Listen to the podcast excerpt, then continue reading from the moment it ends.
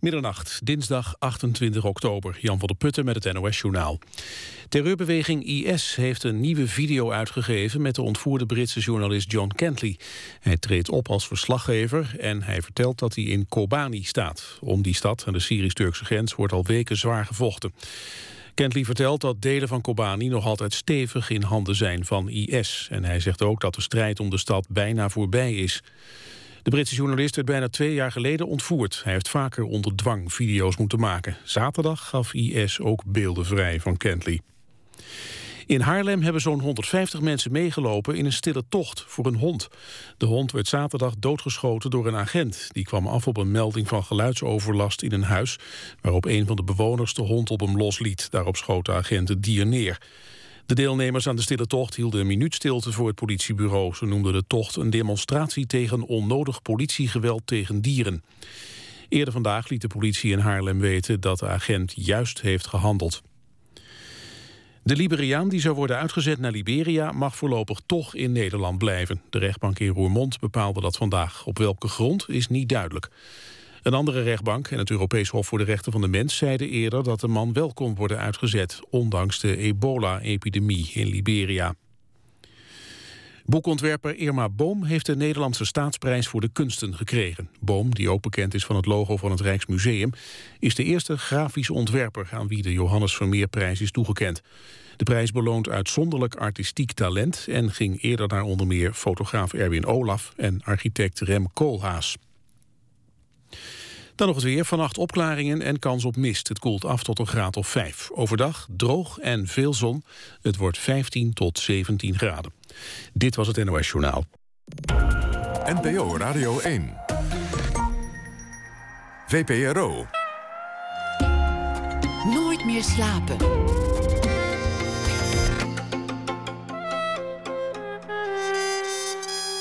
Met Pieter van der Wielen. Goedenacht en welkom bij Nooit meer slapen. Over heimwee zal het gaan, over superhelden, gevangenen en chagrijn. Chagrijn over een vertaling van Thomas Mann... waar volgens sommigen helemaal geen Thomas Mann meer aan te pas is gekomen. Heimwee, een viering van het 50-jarig jubileum van de eerste Turkse gastarbeiders in Nederland, stond in het teken van de heimwee. En superhelden, ooit getekend, worden tot leven gewekt op het witte doek. Een raasje waar geen einde aan lijkt te komen. Dat allemaal na één uur. Maar we beginnen met Esther Naomi Perquin. Zij is dichteres en schrijfster. Binnenkort in dit theater is de titel van een nieuwe bundel met korte verhalen. Normaal is het toch vooral poëzie waar ze zich mee bezighoudt. Vele prijzen meegewonnen, zo'n beetje elke denkbare poëzieprijs volgens mij inmiddels. Al vanaf de eerste bundel, Servette Halfstok uit 2007. De VSB Poëzieprijs kreeg zij begin 2013 voor de bundel Celinspecties. Een bundel gedichten geïnspireerd op de tijd dat zij werkte als bewaker in de Rotterdamse penitentiaire inrichting Noordsingel. Esther Parquin werd geboren in 1980 in Utrecht, groeide, groeide op op eh, Schouwen in Zeeland woont al jaren in Rotterdam, waar ze voordat Daniel D. het werd, de stadsdichter was. Hartelijk welkom. Dankjewel.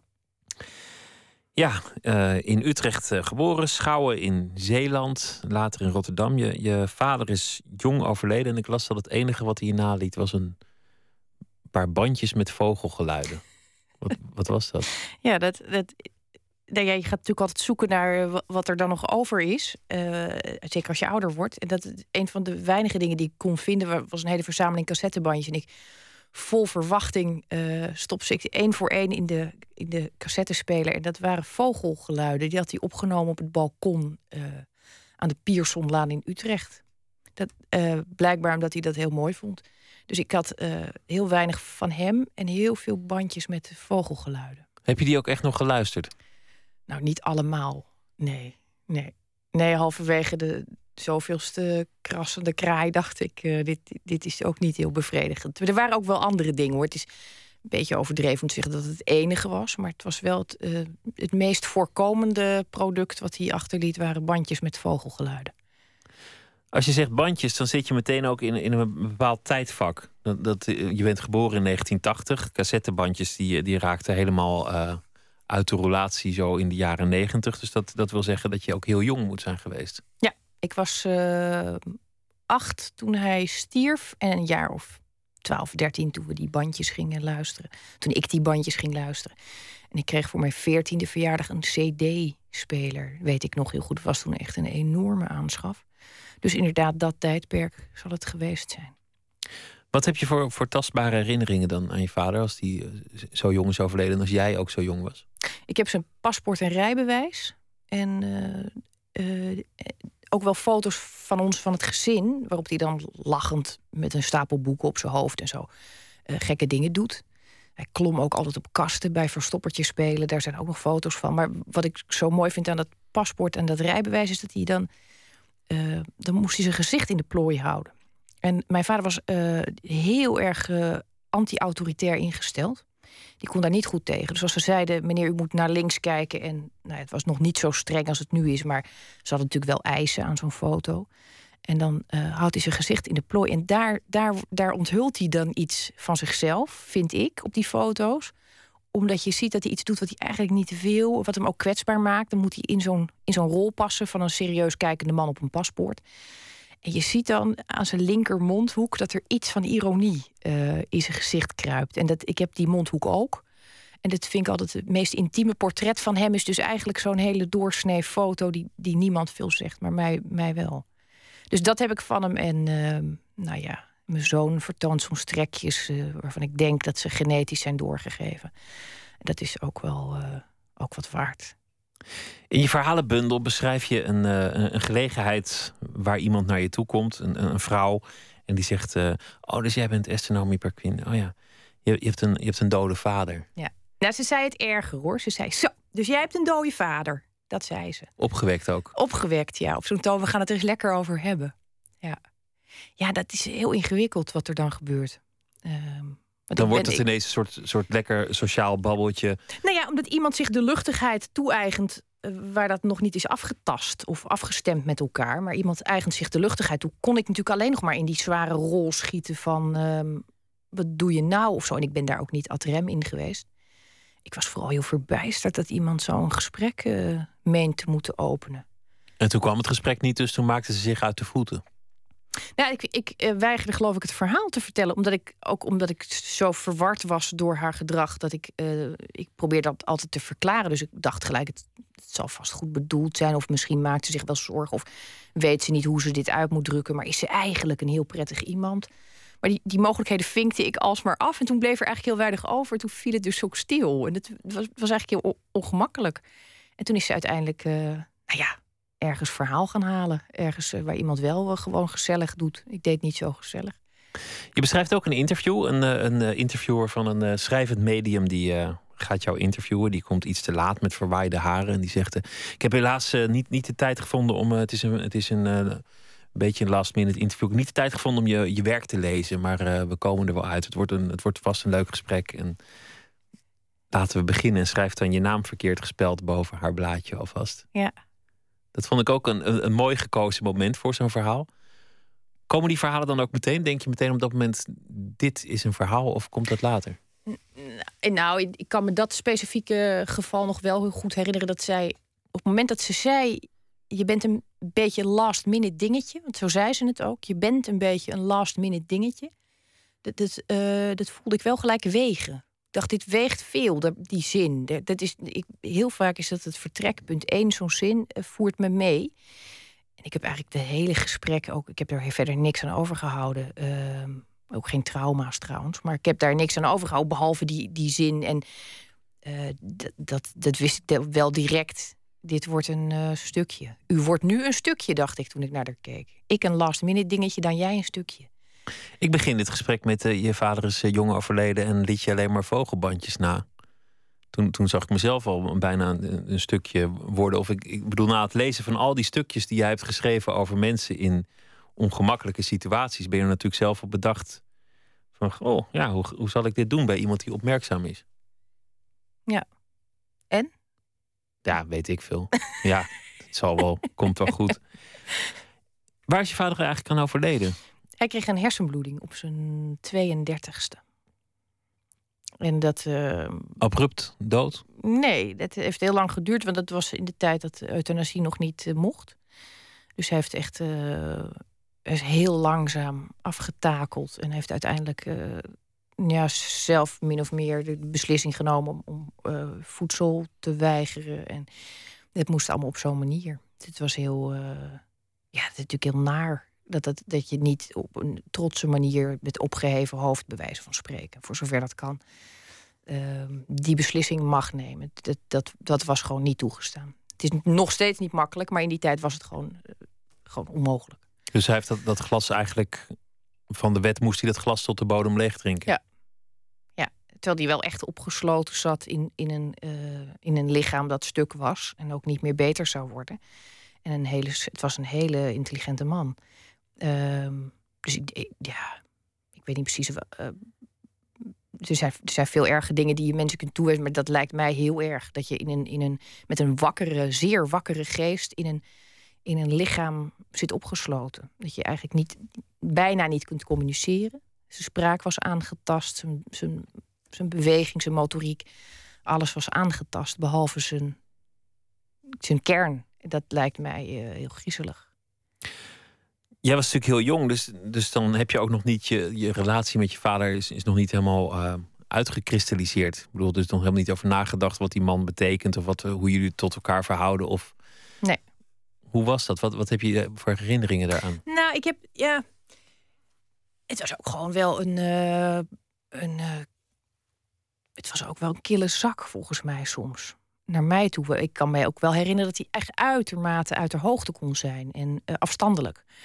En uh, ik heb daar later natuurlijk wel naar bij mijn moeder naar gevraagd: hoe zat dat? Ja, zei ze dan. Hij, hij vond het heel moeilijk dat jij zoveel fantasie had en je verzon altijd de helft. En dat was in zijn ogen toch wel uh, liegen.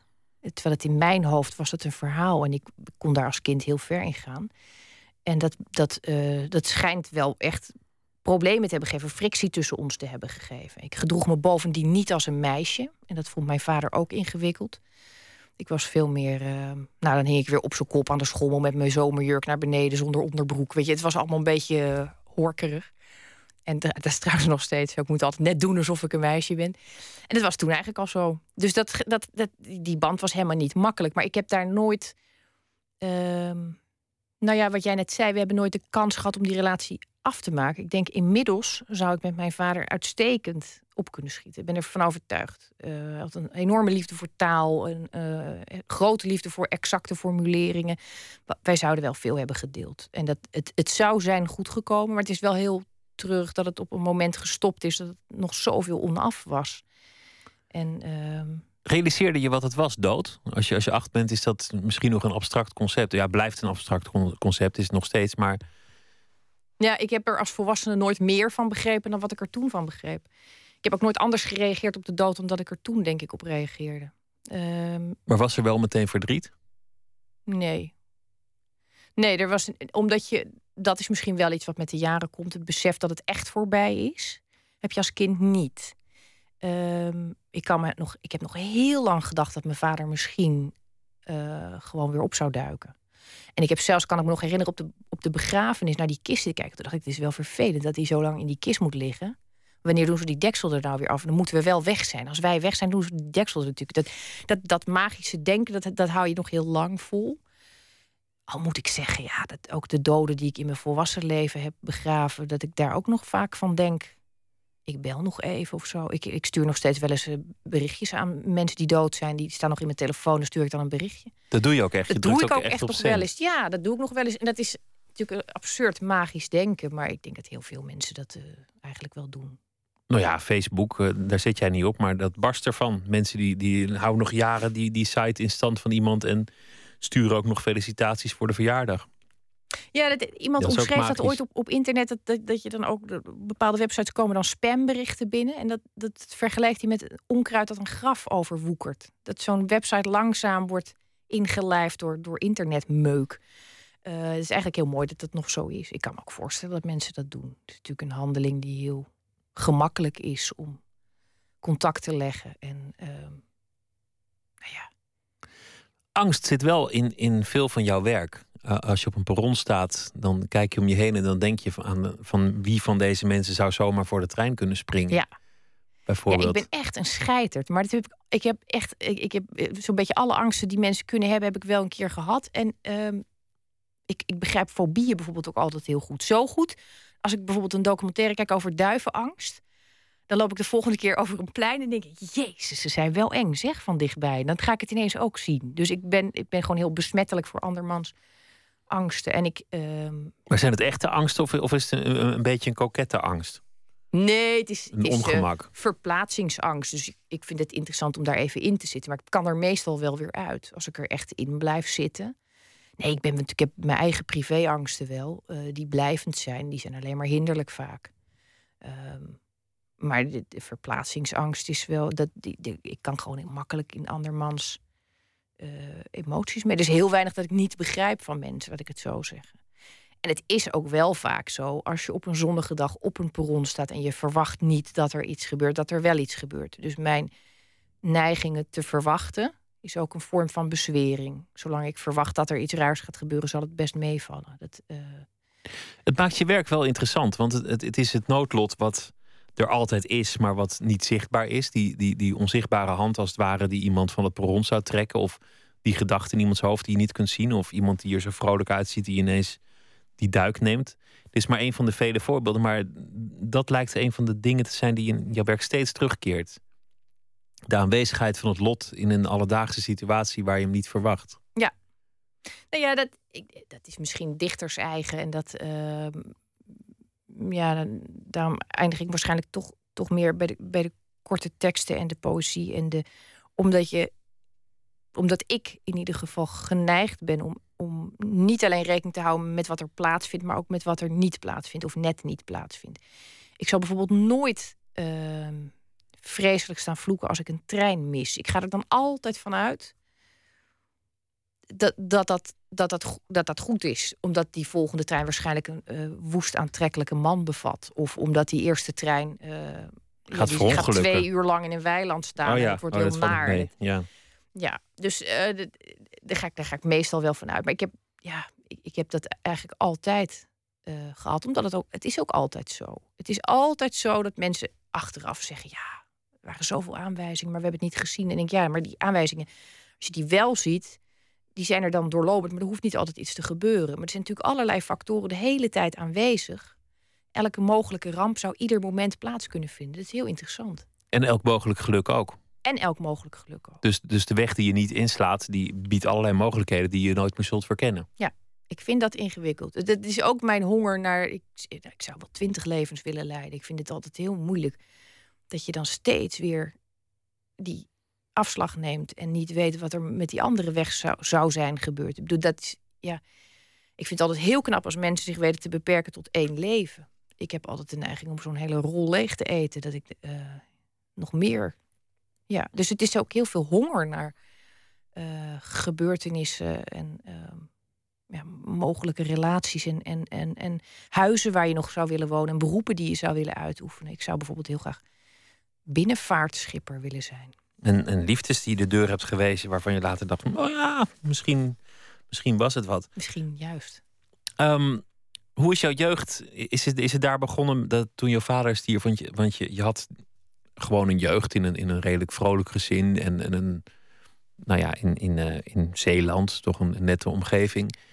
En dan wordt ineens die vader ziek en die, die wordt behoevend en die, die maakt al die narigheid door en die overlijdt. Is dat het moment dat die angst en de, dat bezig zijn met het lot je leven inkwam? Hoe veranderde jouw jeugd daardoor? Nou, ik denk. eh, Ja, mijn, mijn vader overleed toen we nog in Utrecht woonden. We woonden toen. eh, we- zijn na zijn dood pas in Zeeland gaan wonen. Dus, dus we woonden in Utrecht in, in een hele slechte wijk. Het was, het was echt een hele nare buurt toen al. Ehm, en eh, dus de, de breuk was vrij groot. Van, van, van, mijn vader was wel heel autoritair. Dat was echt de baas van het gezin. Dat viel weg alles wat je kende viel weg. Want je school, je buurt, alles. Hoe naar het ook was, het was wel wat je had. Dus die breuk was heel radicaal.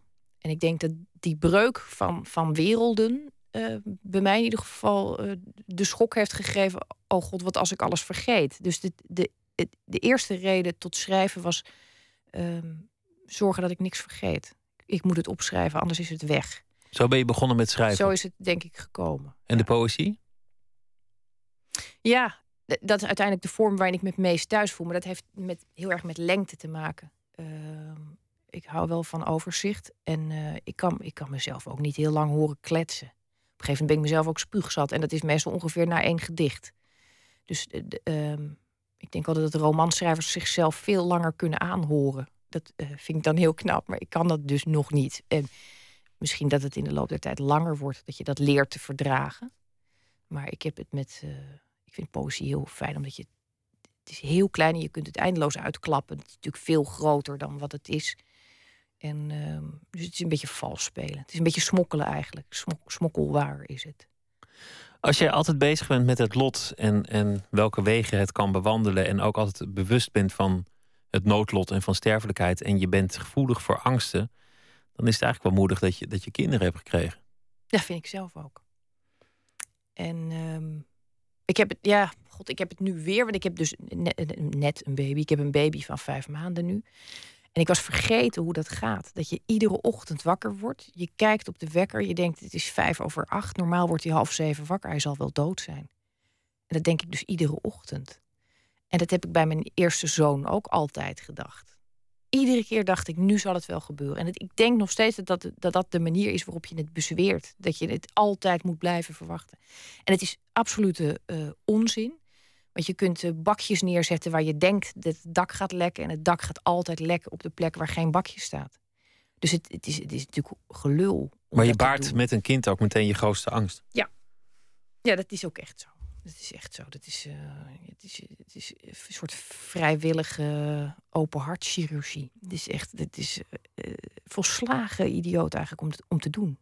Uh, maar maar ja, je moet niet leven in lafheid. samen met het grootste, grootst mogelijke geluk. Ik bedoel, dit is, het is een enorme zaligheid om zomaar gratis een verse blik op de wereld in je buurt te hebben. Dat is enorme rijkdom. Dat je zelf ook steeds weer nieuwe dingen zien. En, uh, en een baby die op zijn rug ligt en de wereld inkijkt, die kan eigenlijk alles nog worden. Een, een uh, groot wetenschapper of een, of, een, of een enorme crimineel. Dictator. Een dictator. Hitler was ook ooit een babytje. Het is, uh, dat, ja, dat, dat, dat, ook dat is, is prachtig.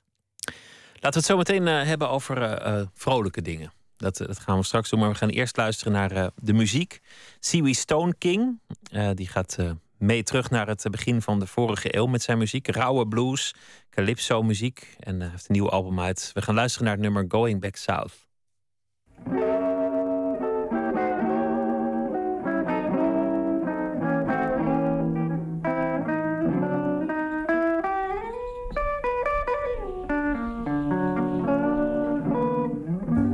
the last thing I remember, I was riding a V8 car.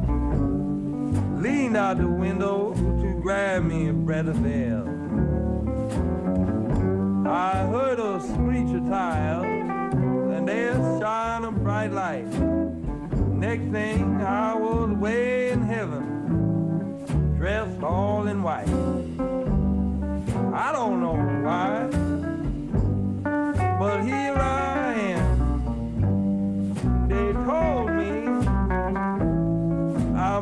right man, and said go forth and live like a latter day.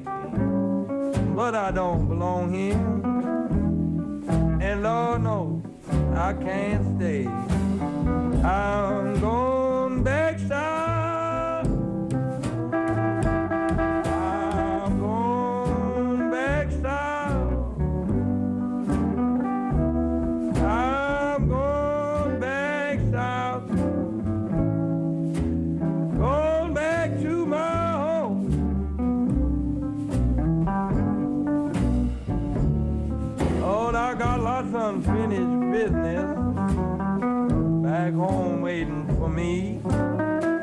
wife and four little children on for my company. So what's it all about? You shutting me away like that. Can't you see I got place I got to be? And please send me back. I ain't never be fit for an old starry crown. All of my yesterday's plans But if you seeing fit anyway, make up my dying bed. Give me six cold feet of earth and clay to rest this lonesome head. I'm going back south.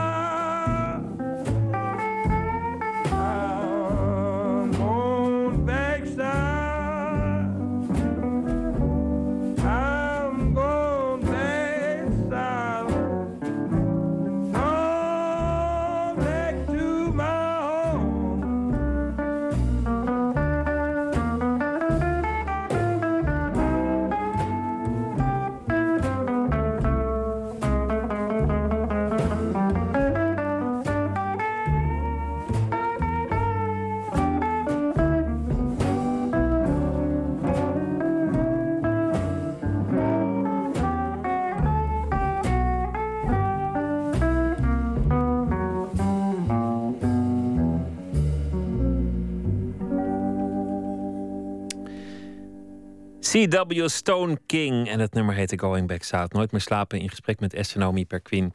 Binnenkort in dit theater is de titel van haar eh, verhalenbundel... die ze net eh, uit heeft gebracht.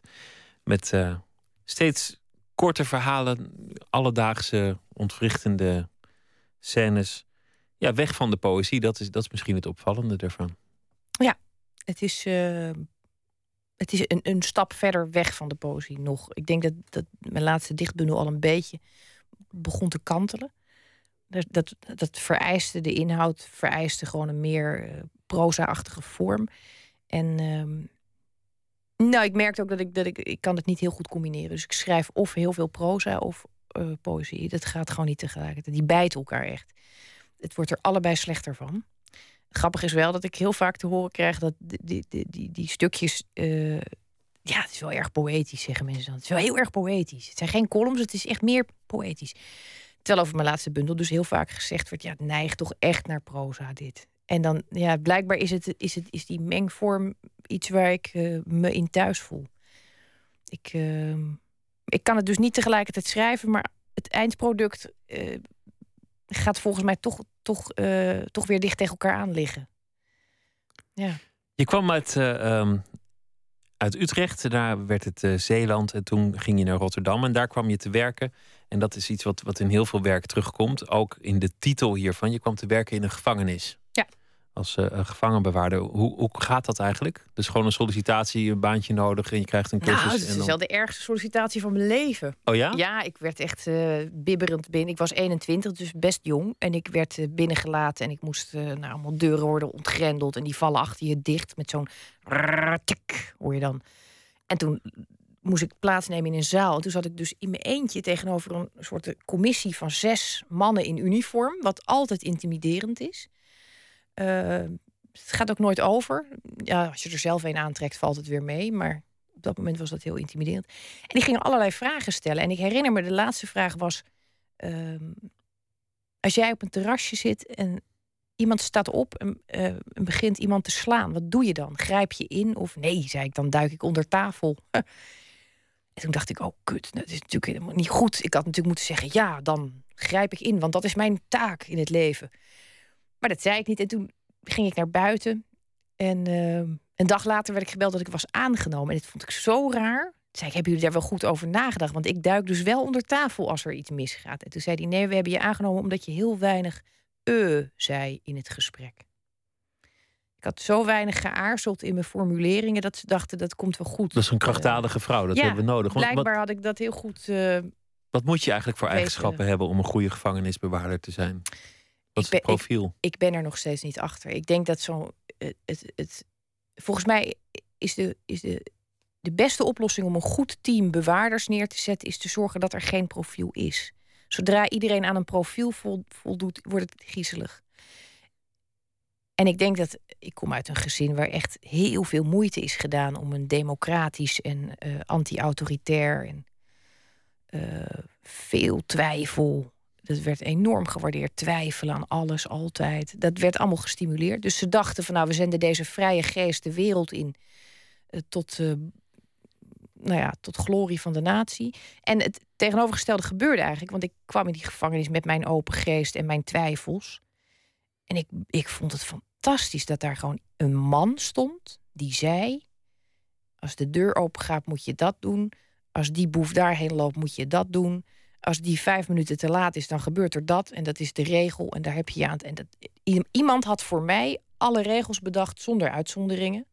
Ik hoefde dat alleen maar te doen. Ik vond het een verademing. Ik werd echt een hele strikte tante. Ik werd echt heel fanatiek in mijn vak. Kreeg je ook een, een sadistische houding naar de gevangenen toe? Want, want die zijn natuurlijk van jou afhankelijk. Jij doet de deur open, jij gooit een broodje naar binnen, jij zegt nu mag je luchten. Dat, nou ja, dat kan misschien toch op bepaalde aspecten van je persoonlijkheid inhaken die je niet had vermoed. Nou, ik, eh, sadisme heb ik niet kunnen ontdekken maar wel een. Uh, Machtsfetischisme. Een, een, nou, een merkwaardige vervreemding. Dat je het. Uh, dat je het, het, het, Ook wel dingen waar ik later beschaamd over voelde. Maar dat je het hebt over poppetjes in plaats van gedetineerden of mensen. Of, uh, heb, hoeveel poppetjes heb jij op de lucht geplaatst? De, zelfs, dat is wel heel erg. Als ik me zat te vervelen, dan had ik nachtdienst en dan had je van die bewakingscamera's.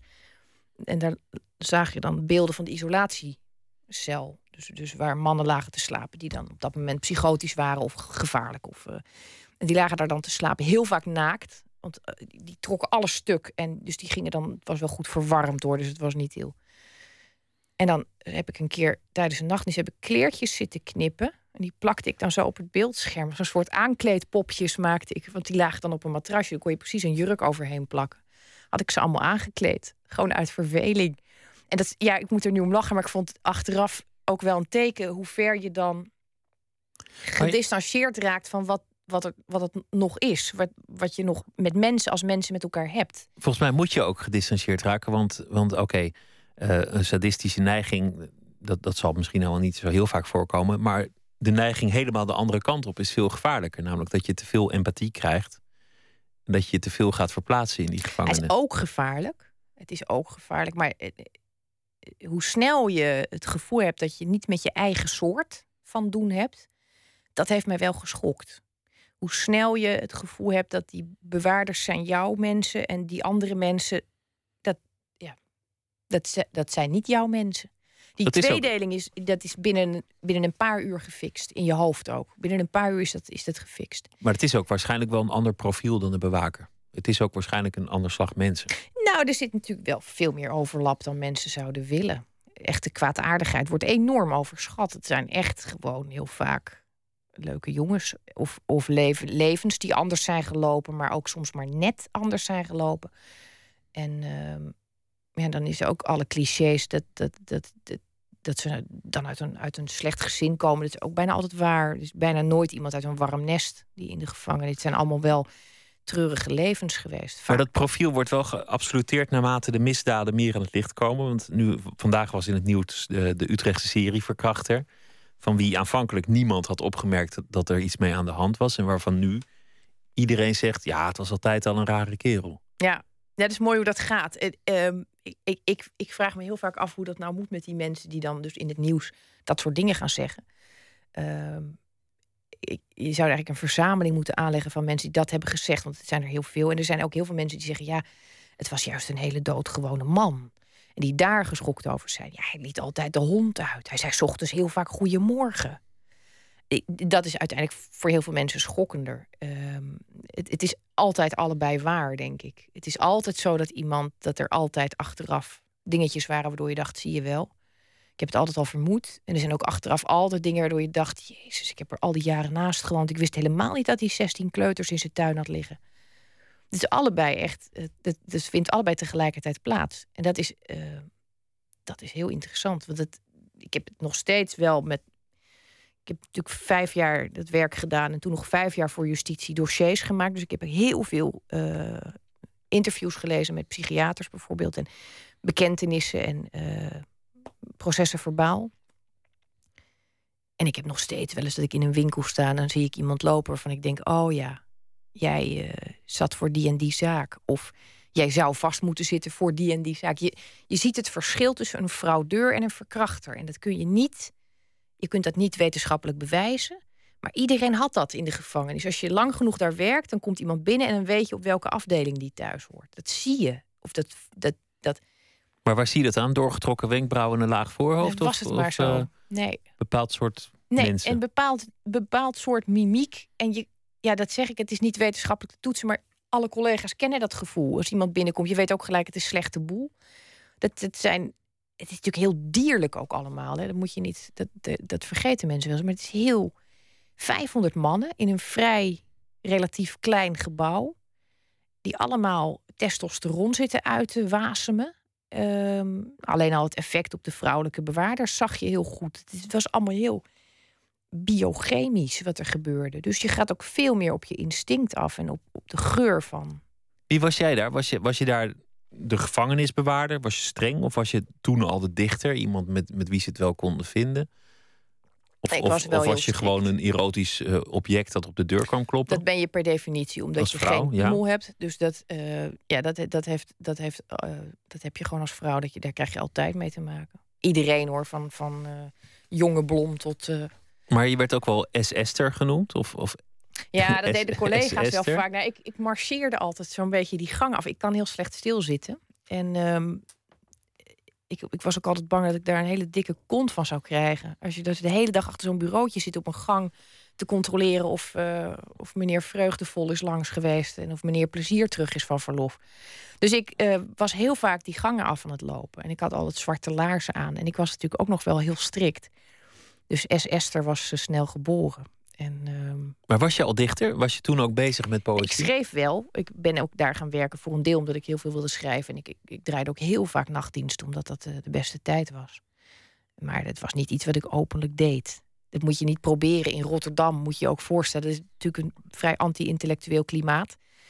Als je daar met een boek zit, dan eh, kreeg ik daar al opmerkingen over. Ik zat natuurlijk gewoon tussen de jongens. En dan moet je ook een beetje gezellig doen. Dus het, Maar die gedichten die, die over die gevangenis gaan, en vooral over de gevangenen, zijn die, zijn later tot stand gekomen? Of, of heb je die ter plekke opgetekend? Nee, er is heel veel. Ik heb wel aantekeningen gemaakt af en toe. Ehm, maar echt, echt maar af en toe. En heel veel eh, gedichten die daarin staan, die zijn, dit zijn eigenlijk reconstructies van wat er gebeurd is. Ik was op dat moment, werkte ik daar echt als bewaarder. Dat, dat was mijn functie. Ik heb nooit van bovenaf zitten kijken.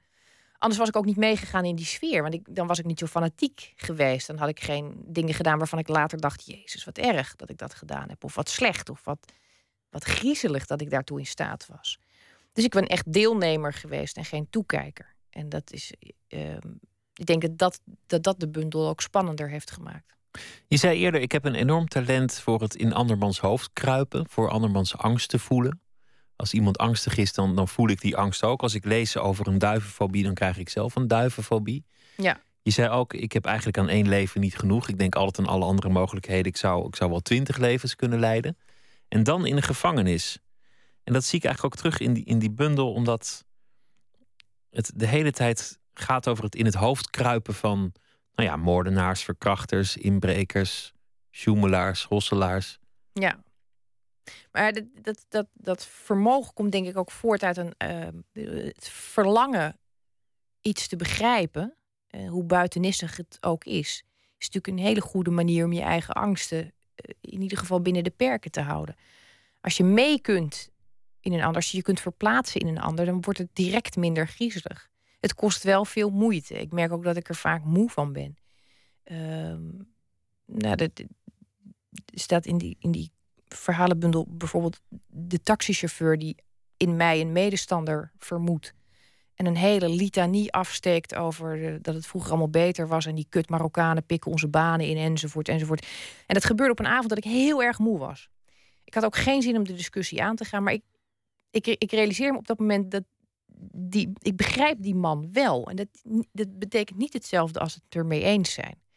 En dat is heel ik vond dat heel merkwaardig. Ik heb dat zo vaak moeten uitleggen dat dat niet hetzelfde is. Maar je zult waarschijnlijk, ik bedoel, iemand die daar zit als, eh, nou ja, ik noem maar wat, een, een seriemoordenaar. Ja. Dat kan nog steeds in de gevangenis een aardige man zijn met een leuk gevoel voor humor die, Ja. die sympathiek en ik heb vriendelijk is. echt hele leuke boeven gekend. eh, ook moordenaars en verkrachters. En, en ook, nou ja, hele griezelige portretten. Ook hele sy- sympathieke mensen konden zijn. Eh, dat, dat kan natuurlijk tegelijkertijd. Vraag je begrip? Is, is het geëngageerde poëzie in die zin? Nou, ik, het is niet zozeer dat ik begrip vraag, maar ik vind wel, uh, en dat is iets waar ik me oprecht boos over maak. Ik vind wel dat we in Nederland geneigd zijn om het, uh, het, het probleem erg laat op te pakken. Dus we, we, we, weten dat, dat, dat er heel veel kinderen zijn die opgroeien in erbarmelijke omstandigheden. Uh, Rotterdam Zuid bijvoorbeeld, daar zit heel veel armoede, daar zit heel veel, dus ook heel veel geweld, criminaliteit, gedoe. Dat weten we dat het daar zit. We vinden het allemaal heel erg voor die kinderen. Maar op het moment dat ze 18 zijn en ze plegen een roofoverval, dan zeggen we ja, maar ze moeten wel het verschil kennen tussen goed en kwaad. Denk ja, maar waar hadden ze dat dan moeten leren? Ja, nee, nou ja, nee, dat hadden ze gewoon moeten weten. Dat hadden ze gewoon moeten weten. En dan heb ik het er met mensen over te zeggen: ja, maar die mensen zijn gewoon veel materialistischer. Want het gaat ze allemaal om het snelle geld. Denk ik, ja, maar ook dat is aangeleerd. Dat is nog steeds niet een reden om te zeggen dat iemand slecht is. Laat het me dan zien. En dat, is, dat, dat vind ik wel heel lastig. Die, die splitsing van, van een uh, kind dat opgroeit in omstandigheden die we, die we fout vinden, die we ook allemaal fout vinden. En het punt waarop dat kind een man wordt en ineens keihard wordt afgerekend van uh, schorrie morrie tegen de muur ermee. Maar toch, tegen het systeem keer je nergens. Want je, je bent eigenlijk wel gehecht aan die gevangenis en, en die celdeur en die tralies. Je vindt het ook wel een goed systeem. Ik, ik, ik had natuurlijk ook kunnen kiezen om een, uh, om een, om een pamflet te schrijven. Uh, maar dat, dat, is, dat is niet de methode die ik interessant vond. De methode die ik interessant vind is: ik wil, ik wil die koppen in. En ik wil andere mensen ook die koppen in hebben. Um, wil je iets voordragen? Zo'n kop in? zo'n kop in. doe maar een moord of een, uh, of een verkrachting of uh, een schietpartij, dat was er ook. Uh, Bart V. lees ik. De schietpartij. Er waren mensen bij die naar me keken. Een kleuter met een ijsje, een vrouw met een tas waar prei uitstak er was een man die net zijn leesbril uit zijn zak tevoorschijn haalde vanwege een boodschappenlijstje. En ook na afloop hield hij hem vast. Later leer je dat je genoeg moet vergeten om ruimte te maken voor wat er nog komt. Er volgen altijd vragen in donkere kamers bij knipperend licht. Dus je duwt wat je weet uit het zicht. Naar straffeloos terrein waar geleerden elkaar de haren invliegen ik hoor ze woelen op papier, elkaar verwijten maken. Er waren mensen die tijdens het rennen met een schoen bleven haken achter een randje en daarom de deur niet haalden. Een meisje dat ach lieverd riep. Ach lieverd. Ze lachte heel even en daarna viel ze neer alsof ze een jas was geweest, die ineens van een hangertje gleed. dan vind ik het toch goed dat zo iemand achter de tralies eindigt met een hele dikke deur. En dat daar iemand staat die je gewoon streng bewaakt en zegt: Nou, je mag af en toe luchten, maar niet te vaak. ja, sorry. Ben ik dan ben ik toch ook wel weer nuchter in. We gaan luisteren naar ehm, muziek die te maken heeft met uh, de gevangenis. Ik, trouwens, hier komt alles bij elkaar wat je, wat je net zei. Hè? De, de, de wending van wat als je wat later boodschappen gaat doen, dan was je er helemaal niet bij. Wat als je um, dat andere pad in was geslagen. Ook dat noodlot wat altijd is. Van een van de mensen van wie je het niet vermoedt, die gaat springen. Een van de mensen van wie je het niet vermoedt, die gaat schieten. De angst. Zit de angst ook in, van de angst voor de dood. En dat kruipen in dat andere hoofd van in dit geval ook de gevangene, wat hij gezien moet hebben. Ja. En, en dan ook dat contrast tussen lieverd en uh, het in elkaar zakken. Led Belly, die heeft ook heel veel in de gevangenis uh, gezeten en er uh, prachtige liedjes over gemaakt. Birmingham Jail.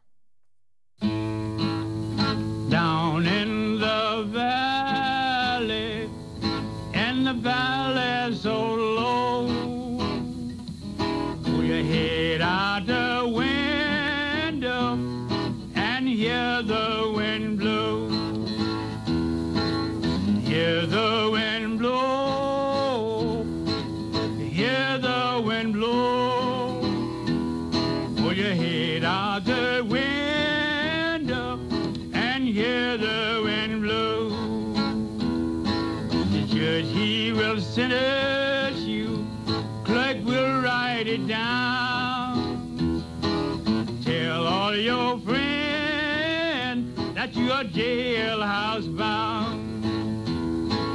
Jailhouse bound. you're jailhouse bound. Tell all your friends that you're jailhouse bound. Write me a letter,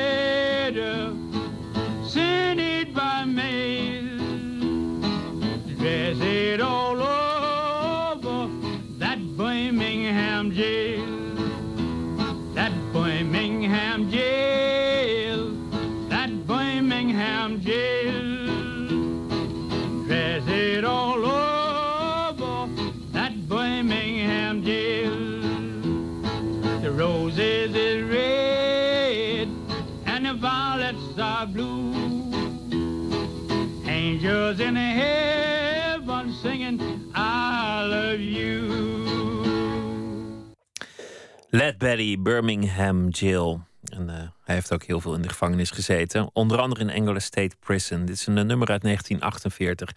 Esther Naomi Perquin, dichter en eh proza-schrijver. Voormalig celinspecteur, gevangenisbewaarder.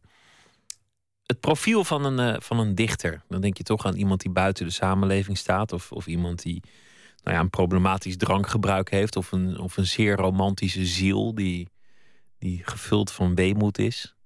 Dat is allemaal wel waar hoor. Ja, het is, Ja, oh, is allemaal gewoon Ik waar ook. herken me er eh, volledig in. Het drankgebruik dat gaat een beetje op en af, maar het is toch wel een stabiele hobby. Ja, ik, eh, en buiten de wereld staan, nou ja, we hadden het net kort over eh, Facebook niet, ik Twitter niet. Ik ben zelfs nog, dat ga ik je nu bekennen, twee jaar geleden, toen ik, ik, fiets heel vaak en dan eh, luister ik Otis Redding. En eh, er zijn ehm, momenten geweest de afgelopen jaar, vooral dat ik dat hard nodig had. En eh, ik, had, ik had dus altijd zo'n zo'n oude CD-speler, hoe noem je dat? Een Discman had ik. Dus daar ging ik voor naar de winkel. Ik zei, ik wil graag een Discman. En die man was in de 60, die keek me aan. Die zei, mevrouw, dat verkopen we helemaal niet meer. Dan moet u een iPod of een, nou ja, een iPod en een laptop en een G-spot. Eh, Die moderne dingen, dat, dat, eh, ik vind dat dus moderne dingen, dat, dat alleen al. Ik hoorde mijn zoon laat zeggen, die moderne apparatuur, mama, waar jij geen verstand van hebt. Nou, dat, ik ben echt in sommige opzichten wel heel erg ver van mijn generatie. eh, en het is altijd zo geweest. Maar ja, na Otis Redding heb je ook verder geen moderniseringen meer nodig. Dat ben ik met je eens. Dan ben je er gewoon wel. Veel mensen schrijven wel eens gedichten als ze in, een, in, een, eh, nou ja, in, een- in de rouw zitten of in, of in een zwaar liefdesverdriet. Of als, een, eh, als de tranen in hun ogen wellen, pakken ze pen en papier. En juist dan schrijven ze hun gedicht. Ja, dat is gevaarlijk. Dat is gevaarlijk. Ja, ik, ik Niet raad doen. het mensen altijd af. Eh, maar ik, ik, kan, ik kan zelf niet werken, bijvoorbeeld als ik verliefd ben of, of overmand ben door verdriet. Ehm, ik, het, ik- het kan wel, ik, ik vergelijk het vaak met rijden onder invloed. Mensen hebben toch het gevoel dat ze lekker soepel op de weg eh, zitten en de Ja, bocht mooi reageert nemen. gewoon iets relaxer. Gaat heel prettig en dan kijken ze om en dan is de weg bezaaid met lijken. Dat, dat, dat gebeurt met het schrijven ook. Als je onder invloed van verliefdheid eh, bijvoorbeeld. Verliefdheid is denk ik wel het ergste wat je kunt hebben als dichter. Tenminste, ik, ik vind het eh, afschuwelijk. Ik kan dan niet werken. En dat, ja, dat, dat, dat kan zo maanden vertraging opleveren. Dat is, dat is echt heel vervelend. Dus het is toch iets rationeels. Het is toch misschien bijna iets technisch. Iets waar je, waar je hoofd bij moet Ja, houden. voor mij is het echt wel een. eh, eh, het, eh, ik vind poëzie de meest vergeeflijke vorm van manipulatie. Dus ik zie dat ook echt als een, eh, als een situatie waar ik, waar ik uitermate keel en zorgvuldig moet kunnen werken. Dus ik kan wel met terugwerkende kracht. Weet ik heel goed welke emotie ik op wil roepen. Of, of neer wil zetten. Maar, maar ik moet daar niet zelf door bevangen zijn. Een goed gedicht kan levens redden. Vond ik een mooie uitspraak. Ja, ik, ehm, ja, ik, ik vind het. Ik, ik heb het ooit inderdaad gezegd en ik eh, dacht later: Jezus, als iemand nu gaat vragen, geef eens een concreet voorbeeld, dan, dan weet ik het natuurlijk niet. Ehm, en, en toch ben ik ervan overtuigd. Dus Eh, poëzie is belangrijk. Ja, omdat ik. Ja, wij, wij zitten, kijk, in de Nederlandse cultuur is poëzie natuurlijk toch een beetje. Het, het is toch een beetje het, het, het genre van de wereldvreemde man op de zolderkamer met de ganzenveer. Dat, dat, dat, dat beeld is heel erg blijven hangen En van 50 Dus- dus- bundels. ontzettend niet nodig. Eh, want we hebben in Nederland echt een hele vitale, levende, aanwezige, hedendaagse poëzie. eh, met, met fantastische dichters. Ehm, maar ik, ik, ik, ik vind wel nog steeds dat de, de magie eh, van een goed gedicht gebleven is. Het, het- als, ik, als ik zie wat, wat een gedicht soms met mensen doet, eh, dat, je op zo'n beperkte oppervlakte zoveel teweeg kunt brengen, dan ehm, dat, dat, dat moet in staat zijn om, eh, om, om die afslag wel of niet eh, af te dwingen. Dus, de, dus de, de route te bepalen voor mensen. Ik, dat, dat kan niet anders. Ik heb natuurlijk ook in, in, in, ik ben ook in landen geweest. Ik heb dichters ontmoet die, eh, die, die, die voor democratie schrijven. Of, of, of eh, tegen het kapitalisme schrijven. Of die, die, die hogere doelen dienen. Die, die, die poëzie is. En die wordt daardoor niet altijd beter als poëzie. Ehm, maar, maar, het protest wordt, wel, ehm, wordt, er, wordt er wel sterker van. Dus dat, dat is een ander doel wat je, wat je dan dient. Dat hebben we in Nederland, is dat, is dat ingewikkeld. Het is sowieso, denk ik, ingewikkeld in Nederland om, om geëngageerd te zijn. Ik, het wordt ook heel vaak. Maar het is wel veel geweest in, het- in het toegespitst. verleden toch wel heel Ja, maar het veel. wordt heel vaak toegespitst op, op politiek. Terwijl engagement kan natuurlijk iedere groep waar jij je het lot van aantrekt of waar je je kwaad over maakt. En in mijn geval waren dat bijvoorbeeld de, de boeven. Ehm, dat, dat, dat, daar, daar voel je je mee verbonden. Daar wil je je hard voor maken. Misschien hebben we te weinig om ons kwaad over te maken. In periodes in, in de geschiedenis dat het wel aan de hand was, eh, ging dat toch ook met gedichten. Een volk dat voor tirannen zwicht, dan dooft Ja. het licht. Nou ja, god, die, het feit dat jij die regel nog steeds aanhaalt, dat, dat bewijst toch. En ik was er echt niet bij. Nee, Ja. het bewijst toch iets.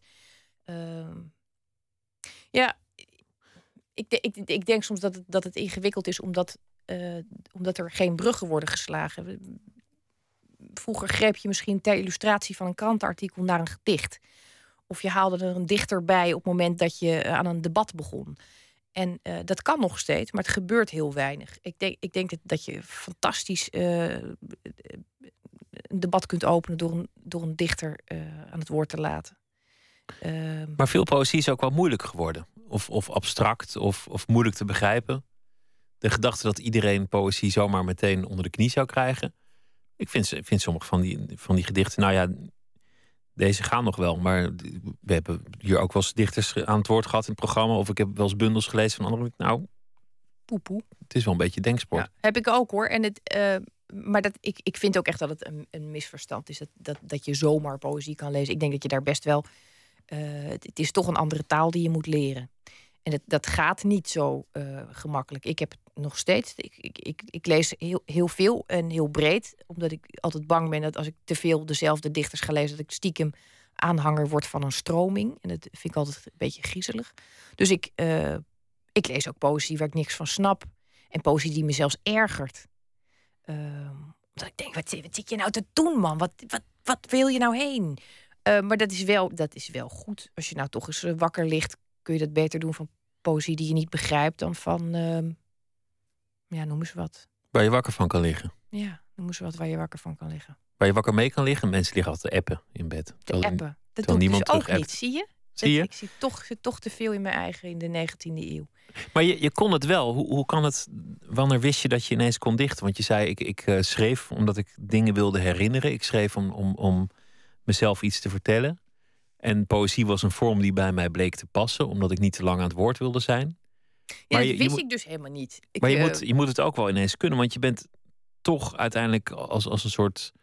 Ja, als een soort bom de Nederlandse letteren ingerold. Met meteen allemaal prijzen voor je debuut in 2007. Maar daarna bij elke bundel wel weer minstens één prijs gewonnen. De, de VSB, de meest prestigieuze, die heb je ook al. Ja. Dus je kon het. Waar, waar komt dat vandaan? Ja, ik denk dat dat, dat te maken heeft met ehm, enerzijds mijn eh, niet te onderdrukken neiging om alles te willen begrijpen. En anderzijds die, eh, die, die eh, neiging om, om de controle te houden. Dus dat zijn twee spannende dingen die met elkaar in gevecht zijn. En dat op de een of andere manier ehm, is dat ook een heel compact. Ik denk dat het, het compacte van poëzie, dat dat, dat, dat het, de trigger is geweest waarom ik me daar thuis voel. Ehm, en ik, ik vind het ook gewoon prettig als je dingen schoon kunt achterlaten. Je kunt echt je vinger afdrukken van een gedicht poetsen en het is alsof het er altijd al geweest is. En bij een roman lijkt me dat bijvoorbeeld. Ik, ik zou het vreselijk vinden om overal spoortjes van mezelf aan te treffen.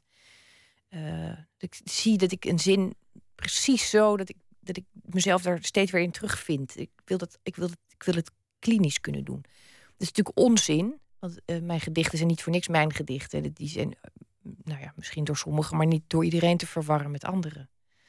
Ehm, maar ik heb de behoefte wel en ik vind het fijn dat het op een kleine oppervlakte heb ik in ieder geval de schijn van reinheid.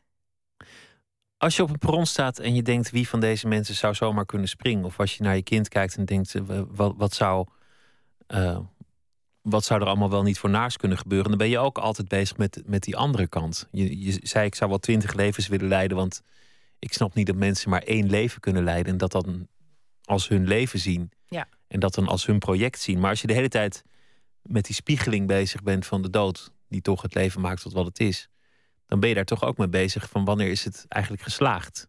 Wat, wat wil ik van dit leven?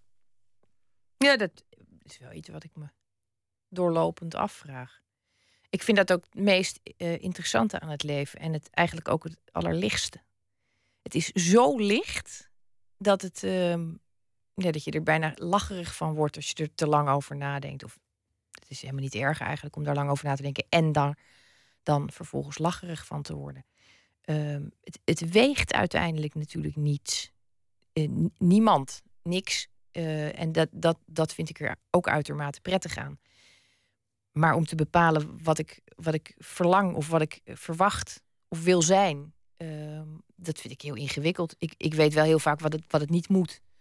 Dan denk ik, nou, dat, dat zeg ik thuis, als mijn mondhoeken gaan hangen, dan, dan weet ik zeker dat ik bij je wegga. Ik zeg het heel vaak eigenlijk, van uh, ik weet nog niet uh, of ik er morgen nog ben of uh, volgende week. Ik kijk wel even wat ik doe. Um, en dat, ik, ik, kan dat heel lang volhouden. Ik, ik heb nooit het gevoel dat ik nou echt... Kies. Dat ik echt gekozen heb. Nee.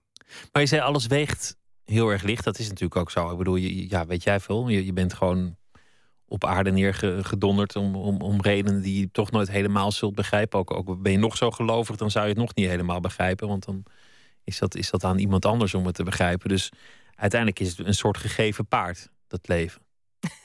Toch? En dat moet je niet in de bek kijken. Maar ja, het is wel een dagje Efteling. En dan ga je ook kiezen van ik kan niet alle attracties doen. Dus, dus welke zal ik, zal ik doen? Maar vind jij dat niet frustrerend?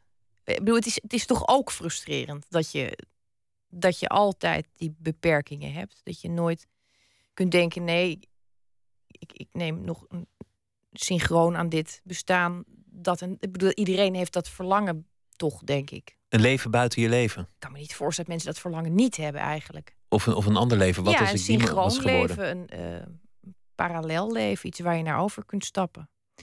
Uh, waar je, zoals je tussen kanalen wisselt. Dat je denkt, nou, ik wil nu echt even. Zeppen naar een ander leven. Het zou toch. Ik kan me niet voorstellen dat mensen dat niet hebben. Het is natuurlijk een hele smerige vorm van uh, gretigheid en, en uh, hebberigheid. Maar daar kun je natuurlijk op tal van manieren mee, mee spelen met zo'n alternatief leven. Ik bedoel, je hoeft het niet echt helemaal te leiden om het, om het eventjes te hebben. Je kunt op vakantie gaan en daar een stamkroeg nemen voor twee weken. En dan na twee weken weet je ook wel hoe het is om dat als stamkroeg te hebben. Ja, ik, zou, ik, ik heb toch radicalere verlangens dan vakantie. Ik uh, denk ook echt dat ik heel makkelijk. Um, een minnaar. Dat je, nou ja, dat, maar nou, nou, nou ja, los van dat soort uh, uh, objecten. Uh, ik, ik kan ook denk ik gewoon wel mijn wortels losmaken en ergens anders weer wortels schieten. Ik, ik denk dat ik daar theoretisch toe in staat ben. Um, je hebt natuurlijk allerlei ankers uitgeworpen, zoals kinderen en een hypotheek. Um, om, om jezelf ergens toch min of meer te dwingen uh, op één plek te zijn en één leven te leiden. Maar ik weet, ik weet, ik weet niet of ik daar uiteindelijk echt het mens voor ben. Ik uh, ben uit echt heel hebberig. Uh, vind ik ook wel, wel slecht door van mezelf. Hmm. Andere mensen die, die vind ik, ik vind die heel mooi, tevreden met hun bestaan. En ik heb eigenlijk altijd een, het gevoel dat ik. Nu speel ik even een moeder op het schoolplein. Nu speel ik dat ik. Nou ja, dat. Maar, maar kun je jezelf voorstellen dat je, dat je s'nachts stiekem de deur achter je sluit en in een auto stapt naar een ander leven en, en het allemaal achterlaat? Ik heb nog geen rijbewijs. Maar een van de redenen waarom ik mijn rijbewijs wil halen, eigenlijk de enige reden, is dat ik s'nachts de deur uit wil kunnen stappen. Al is dat die mogelijkheid er is. En in de auto stappen en wegrijden. Ik, ik denk niet dat het er. Nou ja. Heerlijk lijkt me dat zeg. Dank dat je te gast wilde zijn. Esther Naomi Perquin. Ik uh, noem nog de titel van het boek binnenkort in dit theater. wens je een uh, goede nacht. Dankjewel. Zometeen in uh, Nooit meer slapen gaan we het onder andere hebben over uh, superhelden en over uh, Thomas Mann en de nieuwe vertaling. Twitter, VPRO NMS en de mail nooit meer slapen, vpro.nl. Op Radio 1, het nieuws van alle kanten. Thank you.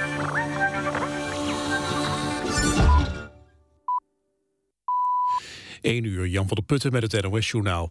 De Amerikaanse scholier die vrijdag bij Seattle het vuur opende op andere leerlingen... had hen per sms gevraagd te komen lunchen. Dat heeft de politie bekendgemaakt. In de schoolkantine schoot hij vijf leerlingen neer. Twee meisjes van 14 kwamen om het leven, drie anderen raakten zwaar gewond. De dader van 15 pleegde zelfmoord.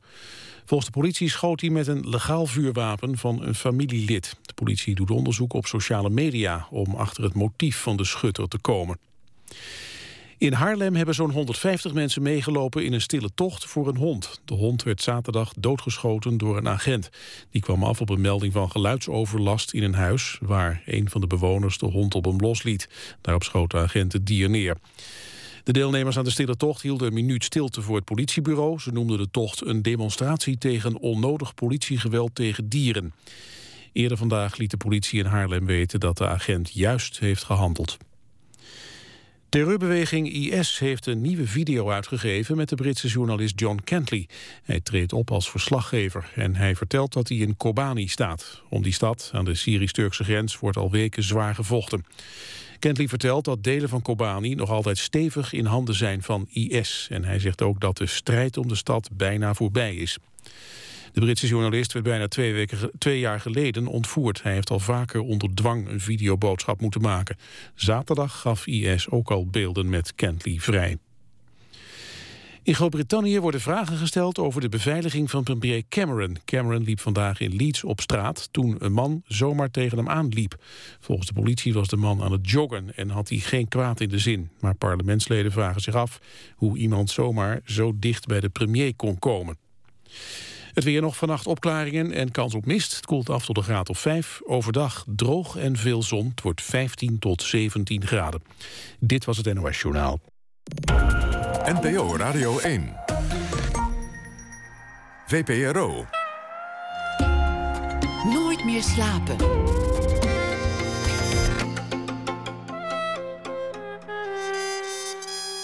Met Pieter van der Wielen.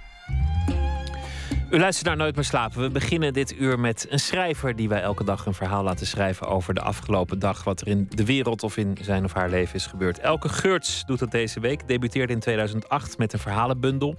Het besluit van Dola Kostjens. Haar tweede bundel Lastmens verscheen twee jaar later. En eind vorig jaar verscheen haar eerste roman De Weg naar Zee. Goedenacht Elke. Goedenacht Pieter. Wat uh, was het voor dag vandaag? Nou, het was een... Uh wat voor dag het was. Ja, wat, eh, hoe gaat deze dag uh, beklijven? Ja, de meeste dagen beklijven natuurlijk gewoon helemaal niet, maar... Nee. nee gaat deze, dag, dag beklijven? Verder niet, verder niet echt heel erg beklijven. Maar uh, wat mij opviel in de krant, wat mij meteen opviel, was de arme baby die gevonden is in de ondergrondse container in Amsterdam. Dus daar heb ik mij vandaag wel mee bezig gehouden. Ja, want, want voor de mensen die, die de krant niet open hebben geslagen en de radio niet aan en de tv niet hebben gehad en die teletext was kapot en het internet lag eruit. Wat, uh, wat was dat voor verhaal? Nou, er was een, een, eh, een voorbijganger heeft gisternacht, of eergisternacht is dat inmiddels, die, een, een, uh, die hoorde gehuil uit de, uit de vuilcontainer ergens in Amsterdam-West. En dat bleek een baby te zijn, een meisje. Een vondeling. Een vondeling. Een beetje een rare plek, dacht ik. Ja, nou en, en toen ja, dan verder. Want dat is natuurlijk zo'n eendimensionaal gegeven. Dan, dan moet jij als schrijver daar vervolgens iets, uh, iets van maken. Iets goed van maken. Ik, ik, wou, ik probeerde daar een logische reden voor te vinden waarom, uh, hoe een baby in een vuilcontainer terechtkomt. Dat vond ik meteen wel, maar die is niet echt goed uh, te vinden natuurlijk. Maar dat vond ik wel interessant. Dus ik heb er een verhaaltje bij geschreven. Ik ben benieuwd. Draag voor. Het verhaaltje heet Het Vetje. Iedereen heeft ergens familie. Ook de baby die vannacht door haar eigen oom in de ondergrondse vuilcontainer is geduwd in de Frits Konijnstraat te Amsterdam. Het pasgeboren meisje huilt om de stinkende, kille wereld waarin ze terechtgekomen is. Nog meer huilt ze om de afwezigheid van haar moeder, Joelle.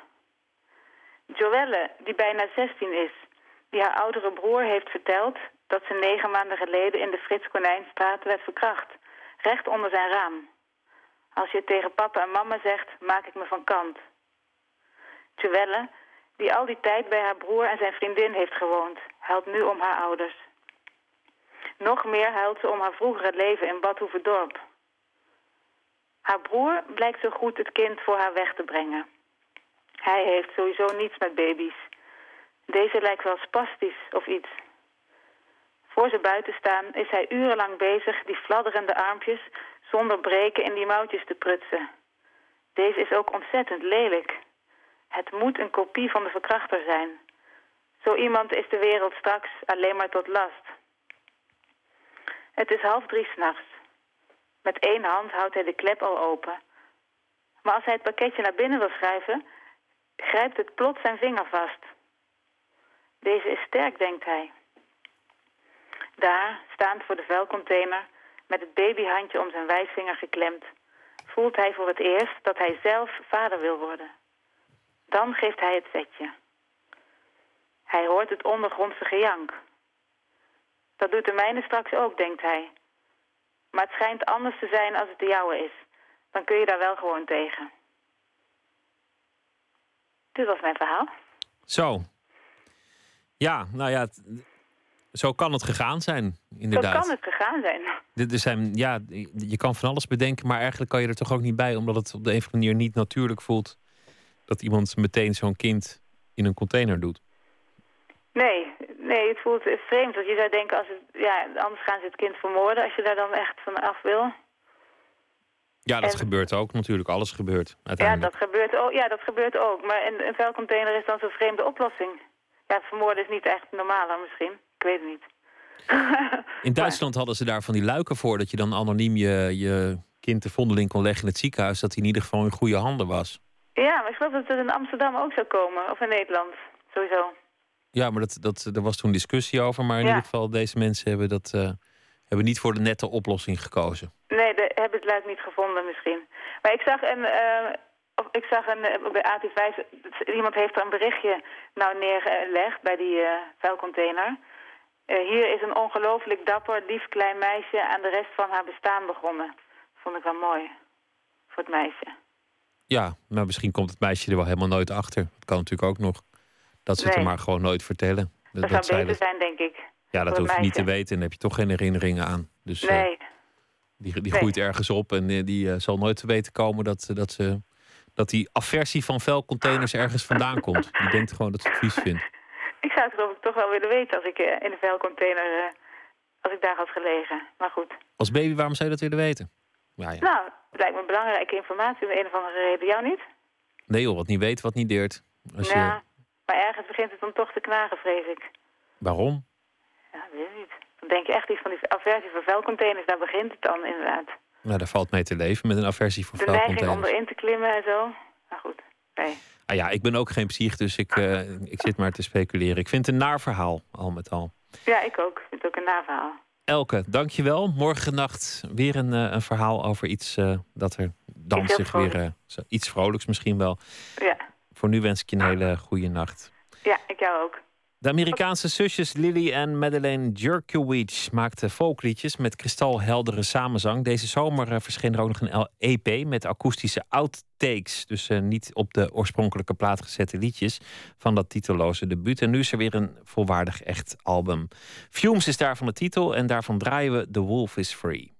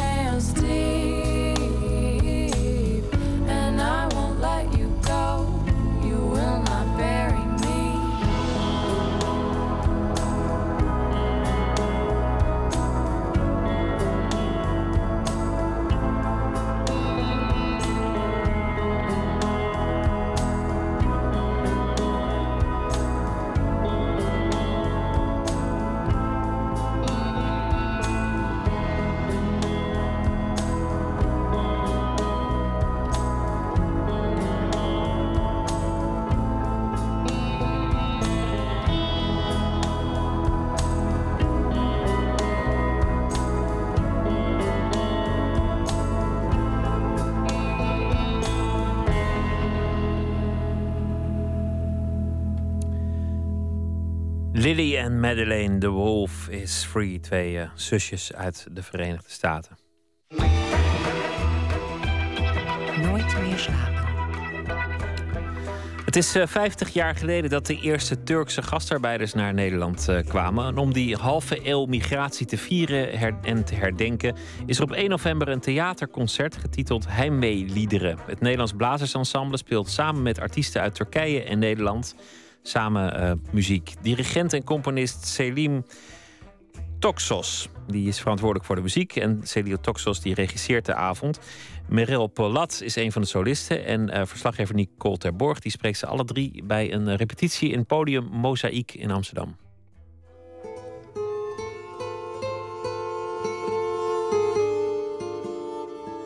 Wat ik bij mijn ouders merk is dat ze heimwee hebben naar een plek die nu niet meer bestaat. En ook grootste heimwee was het voor mij, zeg maar verlangen was het, toen ik Nederlandse paspoort kreeg. Ik dacht, wauw, dan dit is wel een vreugde. Ik vond het echt heerlijk. Maar dacht ik, dus ene kant van mij is definitief afgelopen. Tal van bedrijven in ons land zouden zonder hulp van buitenlandse arbeidskrachten niet meer rendabel te exploiteren zijn.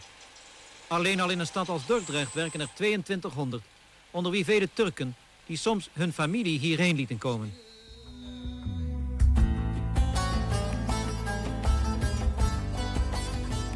Mijn naam is Celil Toxus. Eh, ik ben artieleider van eh, Theater Rast en regisseur van uh. Ja, en hier voor de deur, want er wordt gerepeteerd. Ja. Wie, wie zijn er aan het repeteren? Het zijn eh, ongeveer twintigtalen of 18 mensen die eh, repeteren voor de Heimwee-liederen. Het zijn koor. Mannen en vrouwen en onder leiding van Selim Dore, de componist. Ehm, eerst yüksek yüksek tepelere zingen. Oké, jullie hebben geen bladmuziek nodig, geen eh, tekst nodig. Dat is eh, helemaal goed. Bij het concert hebben we een Nederlands blazersensemble. Zes solisten die in, eh, in Nederland wonen. Die Ilda Simonian, en Karsu, ehm, Esra Dalfidan, Meral Polat. Uit Turkije komen twee solisten. eh Gülseven Medar en Erkan Tekçi. En het koor van 20 mensen.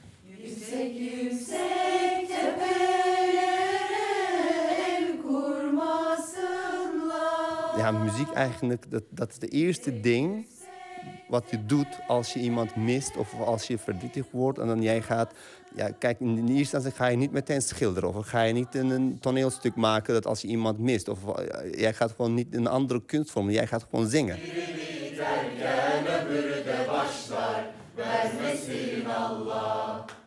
We gaan een universele thema vanuit persoon vertellen. Maar het allerbelangrijkste, we hebben geen subtekst, dus geen theater. Direct willen we naar hart toe. Liederen, zingen. Gönlüm senin esiri Kalbim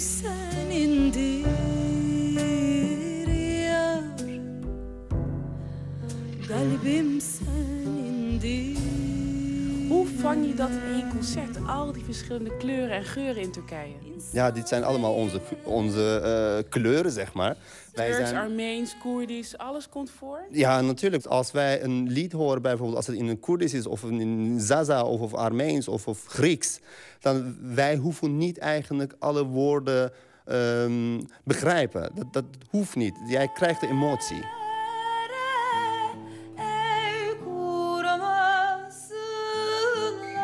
Heimwee betekent voor mij eh, het verlangen naar een plek waar je hart rust heeft.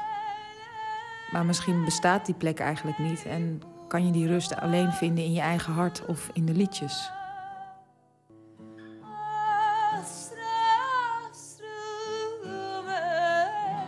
Meral Polat, actrice, zangeres, een van de zes solisten uit Nederland die ook te horen zal zijn tijdens het eh, concert. Ja. Heimwee, wat heb je daarmee? Jij bent de derde generatie, Ja. Koerdisch-Turks. Ik, heb de, ik voel de heimwee die ik eigenlijk zelf nog nooit heb gekend. Maar eh, het is heel grappig. ehm, alsof ik de heimwee van mijn moeder voel. Terwijl ik ben gewoon geboren in Amsterdam. En ik voel me ook zeker echt een, een, een Amsterdamse. En ik ben hier thuis. Maar ehm, als ik soms die liederen hoor die mijn vader zingt, bijvoorbeeld voor mij. Ik ben opgegroeid met dat we thuis op de bank zitten en dat, we, dat mijn vader de sas pakt, als luid, en dan gaat zingen. En dan ik als klein kind zo met mijn duim in mijn mond daar luisteren. En als ik, als ik mijn ouders zo hoor zingen, of soms eh, als, ik, eh, als mijn moeder eten maakt en we eten dat in de simpelste dingen, voel ik soms de heimwee uh, naar toen.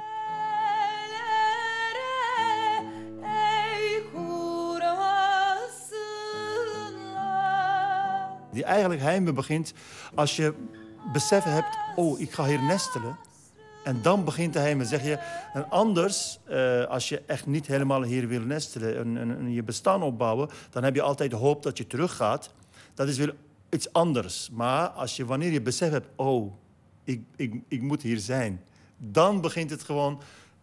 Dus definitief dat je verlaten hebt. Een klein deel van de buitenlandse arbeiders krijgt de mogelijkheid een vak te leren en daarmee uit te stijgen boven het lage niveau waarop de meesten in het algemeen werkzaam zijn. Zo'n vakopleiding kan ook nut afwerpen wanneer de man weer terug is in zijn vaderland, dat hem dierbaar is en waarmee hij de band zoveel mogelijk wil behouden. Jij bent uh, derde generatie. Wat is, denk je, het verschil tussen jou en jouw grootouders die naar Nederland zijn gekomen in de jaren 70 of 60? Uh, heel veel, denk ik. Kijk, mijn opa die kwam hier en die dacht... ik ga een paar jaar werken en dan geld sparen en dan ga ik weer terug. Uh, hij is hier de eerste tien jaar, heeft hij geloofd dat hij terugging. Dus hij heeft nooit zijn wortels toen in de, in de aarde van dit land geschoten, bij wijze van spreken. Omdat hij dacht, het is tijdelijk, ik ga weer terug. En ondertussen krijg je kinderen en zijn die kinderen wel thuis... en, en vervreemd je van je eigen land waar je eigenlijk al heel lang niet meer bent geweest.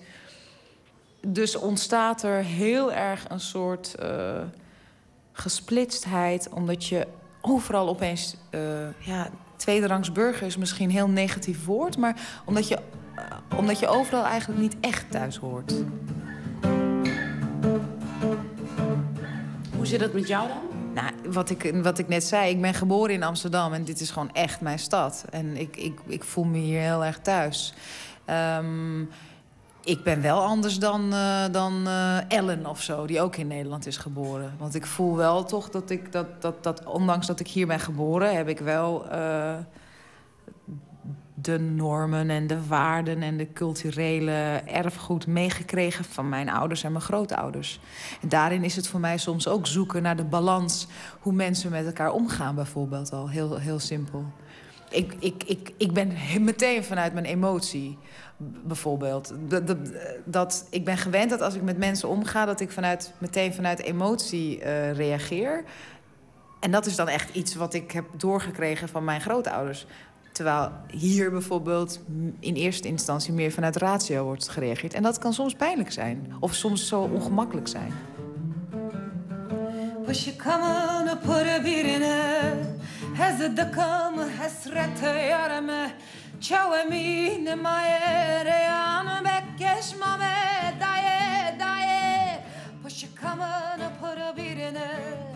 hesrete yarımı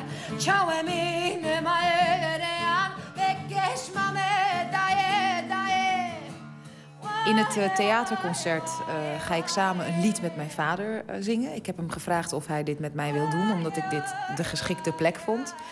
We gaan een lied zingen die hij weer van zijn vader heeft gekregen. Dus letterlijk in de muziek zit al de overgang van oud naar nieuw. En dat ik dit samen met mijn vader doe. Dat we, van dat we iets pakken van zijn generatie... en daar op dit moment iets nieuws van maken samen. En zo die brug leggen, zo die verbinding maken. Uh, ja, dat is echt uh, een hele, hele eer. En ik, uh, ik verheug me erop om dat te mogen doen. Ik vind het heel spannend ook met mijn vader. Maar, ja. Wat is zo spannend? Maar hij, is, hij, wilde vroeger altijd muzikant worden, maar dat mocht niet. Van zijn, uh, van zijn gezin en muzikant, kom op, je moet werken. Dus, maar hij heeft wel altijd die sals en hij heeft ons echt opgegroeid met muziek. En hij stimuleerde mij heel erg, ga zingen, ga spelen. Maar zelf heeft hij dat eigenlijk nooit kunnen doen. En het is een hele lieve man, maar hij is ook heel verlegen. En ik ga dan samen met hem op toneel staan. Uh, ik heb dat één keer eerder met hem gedaan. En nu gaan we daar... In verder. En ja, ik vind dat gewoon spannend. Dat- Wij doen gewoon vier keer achter elkaar en dan daarna gaan we gewoon ietsje sneller doen. Gewoon afsluiten. Gewoon finale.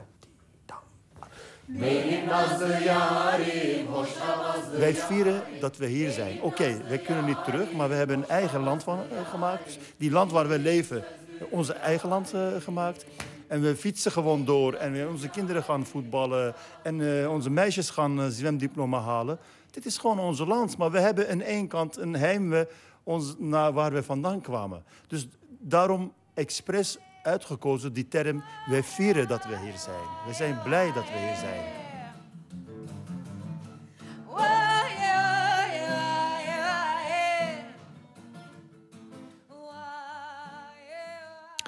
Dirigent en componist Selim Dorre hoorde u. En u hoorde ook Celil Toxos, die eh, de avond eh, regisseert. Theater Rast, het Nederlands Blaasensemble en Re-Art Collective... en een inspraakorgaan Turken Nederland organiseren de avond. Theaterconcert Heimwee Liederen aankomende zaterdag in Amsterdam... in podium Mozaïek. Cap Mo is een eh, in Los Angeles geboren artiest. Beter bekend, of, nou ja, bekend als Cap Mo, maar zijn eigenlijke naam is Kevin Moore. Een echte bluesartiest, maar heeft ook liefde voor de Americana en de soulmuziek. We gaan luisteren naar het nummer Life is Beautiful.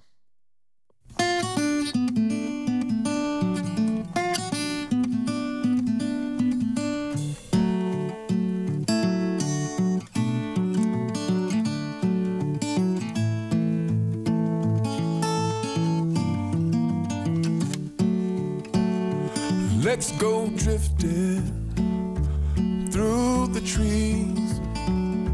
Let's go sailing on the sea. Let's go dancing on the juke joint floor and leave our troubles all behind and have a party so easily forgotten. All the most important things like the melody in the moonlight in your eyes. And a song that lasts forever on getting better all the time. Cause life is beautiful, life is wondrous. Every star above is shining just for us. Life is beautiful on a stormy night. Somewhere in sun is shining bright. I get crazy, so afraid that I might lose you one fine day and I'll be nothing but a tired old man. And I don't wanna be without you at the party. So easily forgotten. The most important thing is that I love you. I do. And I wanna spend my days and nights walking through this crazy world with you. Life is beautiful, life is wondrous. Every star above is shining just for us. Life is beautiful on a stormy night. Somewhere in the world, the sun is shining bright.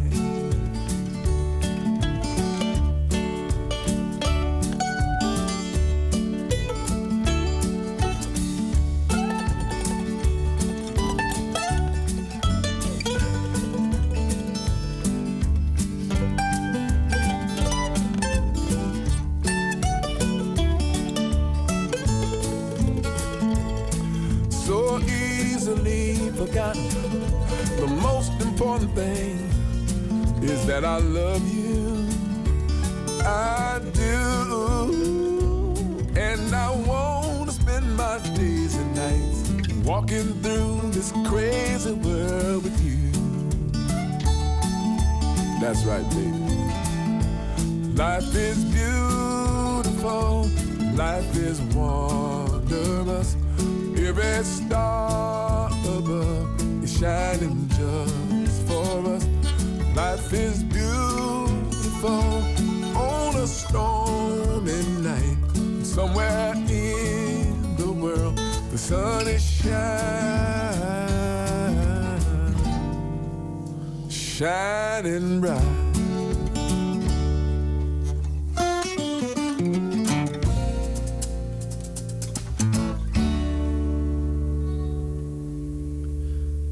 Life is Beautiful van de Amerikaanse bluesmuzikant Cap Mo. Nooit meer slapen.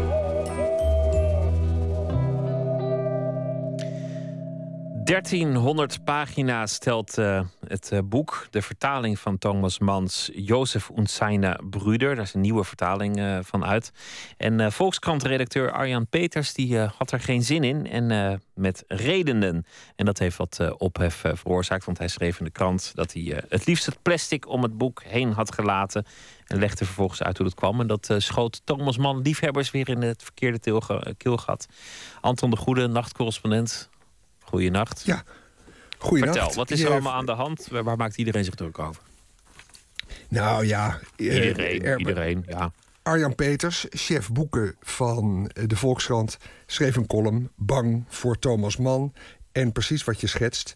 Het uh, had een, een, beetje de teneur van dik boek... Uh, uh, die man die kijkt me boos aan vanaf de achterkant, die rare Thomas Mann. En toen vond hij, uh, toen heeft hij toch maar opengemaakt. Hij had duidelijk geen tijd en geen zin om het te lezen. En hij las in het nawoord over vertalingen. Uh, daar heb je ene Henry Bloemen. Het is door meerdere mensen vertaald. En we hebben het dan dus over Jozef en zijn broeders. Een, een, een beroemd boek, een, het magnum opus van Thomas Mann... dat eindelijk in het Nederlands nu vertaald is. Dat is nog nooit eerder gebeurd. En wat gaat Arjan Peters doen? Hij kijkt naar het nawoord waar dan een regeltje in staat... Uh, Thomas Mann schreef niet één woord uh, dat in deze vertaling terecht is gekomen. De goede vertaler heeft er namelijk helemaal iets anders van gemaakt. Dat is een beetje een filosofische beschouwing in dat nawoord. En Arjan Peters die redeneert dan... als er toch iets anders van is gemaakt... waarom zou je het dan nog moeten lezen? En dan nog eens iets, merkte hij lollig op... als de vertaler er toch helemaal iets anders van gemaakt had... waarom stond er dan eigenlijk nog Thomas Mann op de cover? De vertaler had dan toch gewoon de vertaling kunnen overslaan... en zelf iets kunnen scheppen. Ja, dit is, dit is Ehm, grappig, want dit is dus wat, wat, wat de zwakte is... of het risico van recensies, namelijk wat in het echte leven niet veel voorkomt. De onwillige lezer of de onwillige theaterbezoeker... of nou ja, iemand die dat boek leest van kaf tot kaf, maar er helemaal geen zin in heeft. Ja, dat bestaat niet, want dan lees je dat boek niet. Alleen recensenten maken dat mee. En daar moet een recensent Ja. zich wel bewust van zijn, want ja, je zit Ja. met chagrijn en je denkt, oh, moet ik dat dikke boek weer lezen? Nou, ik ga er maar een zuur stukje over maken. Nou, dat, had ik, dat idee had ik een beetje. En ik moest denken aan Kees Vens, die vroeger bij de Volkskrant zit. Die had ongetwijfeld over dit boek een prachtig stuk geschreven van een pagina groot. Hoe dan ook, ik sprak vanmiddag met een van die vertalers, die Henry Bloemen, die ik net noemde. eh, die die woorden in dat, in dat nawoord heeft geschreven. Waarover Arjan Peters was gevallen. Henry Bloemen zei er dit op. Als ik de column eh, heel precies lees, dan eh, vind ik dat Arjen Peters daar drie gedachtensprongetjes maakt waar ik het niet eens mee kan zijn. En het eerste gedachtesprongetje is het feit dat hij de moeilijkheidsgraad van die Duitse tekst als oorzaak ziet voor het feit dat de vertaler er iets anders mee gaat doen, zoals, zoals hij het letterlijk zegt. Ik denk dat ook een eenvoudige, een eenvoudige originele tekst in de vertaling anders wordt. Een vertaling maakt van een bestaande tekst een andere tekst. Ja? Een vertaling produceert verschil. Dat is gewoon, en dat heeft niks te maken met de, met de moeilijkheid van de tekst. En een tweede gedachtesprongetje vind ik eh, zijn, zijn invoering maar weer is van dat begrip vrijheid. Mijn standpunt is het feit dat een vertaling anders is, dat een vertaling het origineel verschuift naar het Nederlands toe, dat dat niks te maken heeft met letterlijkheid of vrijheid. Dus die twee oude begrippen zijn heel erg botte begrippen om over zoiets fijnzinnigs als vertaling eh, te kunnen spreken. Dus ik zou willen dat we die twee echt uit het spreken over vertalen verbannen. Dat is, uh, dat is, dat is het tweede punt. En het, en het derde punt is misschien wel, uh, wel het ergste eigenlijk, wanneer hij zegt, ja, uh, oké, vertaling is anders, maar waarom zouden we dan ook niet de laatste stap zetten en de vertaling gewoon overslaan en zelf iets scheppen? Zegt hij. Nou ja, daar, daar, ik bedoel, dan praten we niet meer over een vertaling. Ja? Dus een vertaling heeft natuurlijk nog altijd wel iets te maken met het origineel. Een vertaling volgt het origineel, de opbouw ervan. Ja? De, de hele, de, alle figuren, de handeling, de tijd enzovoort. Dat volgt ze allemaal. Maar ze doet het in een andere taal dan die van het origineel... en daardoor wordt een vertaling fundamenteel anders. Ja? Maar het is niet een zelfstandige schepping. Nou zou je zeggen, een uh, slechte column, ongeïnspireerde dag, uh, boek niet uitgekregen en weet jij veel wat er aan de hand is, een stukje moet af.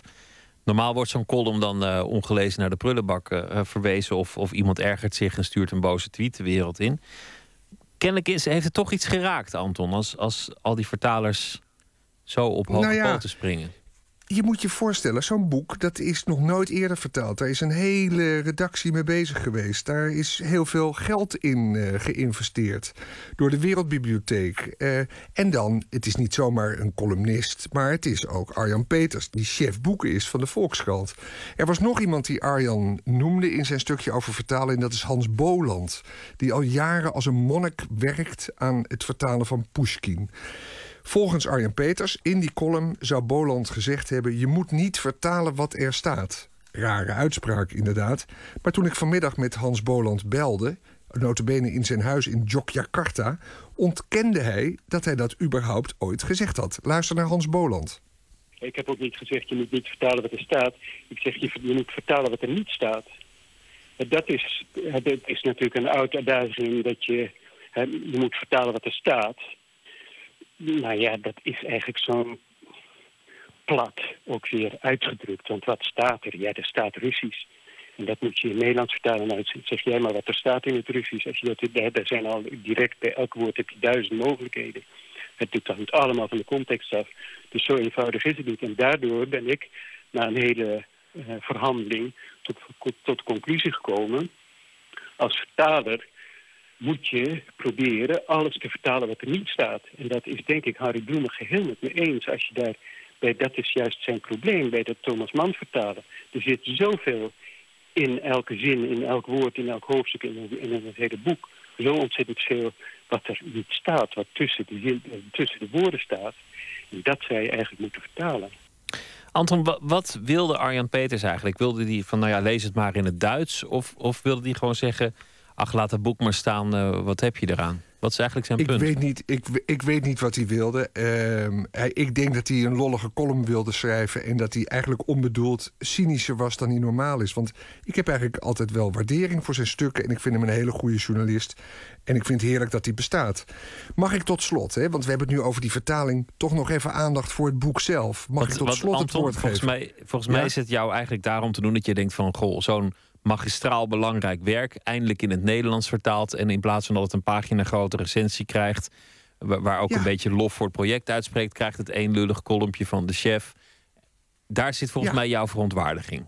Daar zit mijn verontwaardiging zeker. Uh, luister nou bijvoorbeeld als je die Henry Bloemen aan het woord laat, die daar jarenlang aan gewerkt en vertaald heeft. Ik vroeg hem om voor ons nu in het kort te vertellen wat dit boek, die hervertelling van het Jozef-verhaal uit Genesis, naar zijn idee zo bijzonder maakt. Luister. Wat het boek de moeite waard maakt, is dat daar een oeroud verhaal naar onze tijd toegehaald wordt. Op een onwaarschijnlijk meesterlijke manier. Daar wordt een, een oud verhaal dat we allemaal denken te kennen. Ja, dat wordt uit zijn bijbelse context gehaald en herverteld. In feite dus ook hervertaald naar onze tijd toe. Hij stelt Jozef als een tijdgenoot voor. En het is natuurlijk een, uh, een fantastisch verhaal over de oorsprong van onze cultuur, de ontwikkeling van onze cultuur, naar die individualiteit toe, die zichzelf niet, uh, niet ophemelt, ja, maar die zichzelf een plaats weet te geven in de wereld. Uh, in een vreemde wereld dan nog, Jozef in, de, in ballingschap. Ja, dat, is, dat maakt het allemaal heel erg, heel erg actueel, vind ik.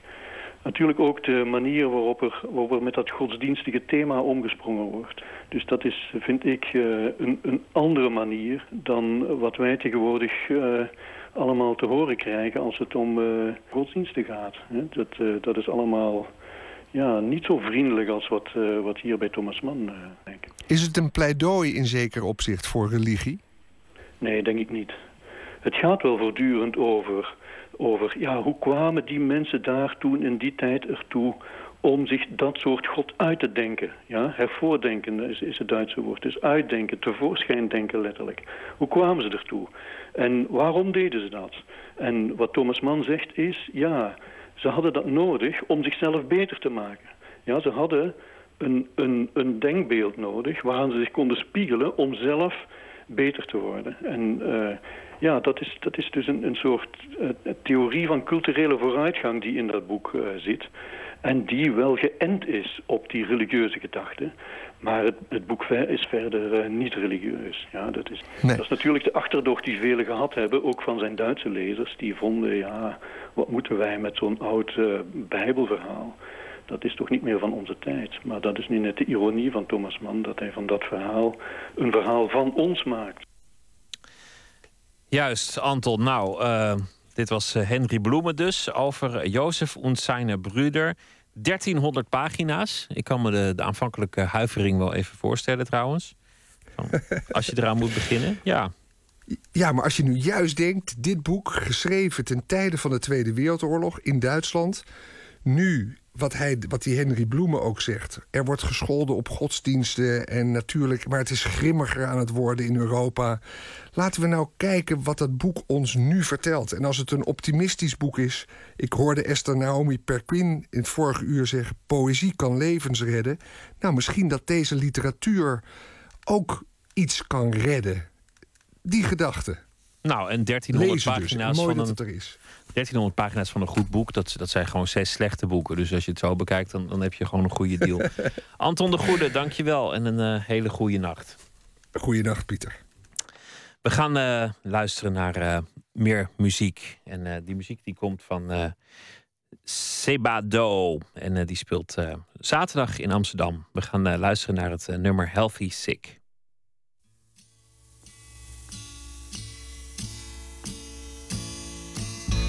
Can stop it all from crashing down to shit. Push to feel something more than just the sound of it. And time, time is the magic truth of story. Sometimes magic is so very, very boring. It's a healthy kind of sick, a slow sort of quick. Very sad, I don't feel bad at all. It's a different sort of same, a crazy kind of same, a feeling without a name that they call love. Because I have my doubts, I know it must be true. Watch the dream die every day, I don't know what to do. No, it's only fear that makes me wonder.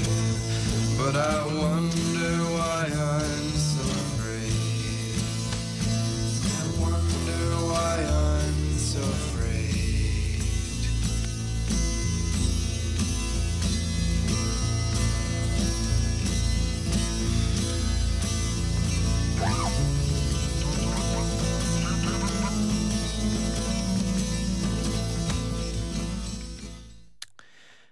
Sebado was dat, Healthy Sick.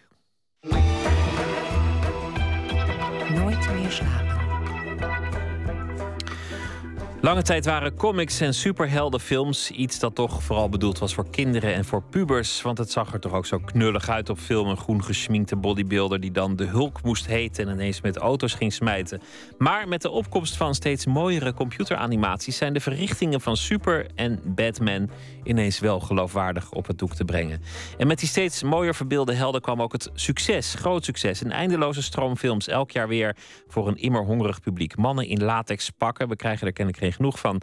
En oude stripstudio's die zijn wat zielige randfiguren getransformeerd tot machtige hoofdrolspelers van Hollywood. Maarten Westerveen die dook de stripkelders in op zoek naar de wortels van een stripgigant. Superhelden regeren. Een voorlopige lijst van superheldenfilms tot 2020 toont aan dat er nog 40 nieuwe films gepland staan. Spil in dat geheel is Marvel, de stripfabriek die de grootste successen van Spider-Man en The Avengers uitgeeft. Waar komt dat succes vandaan?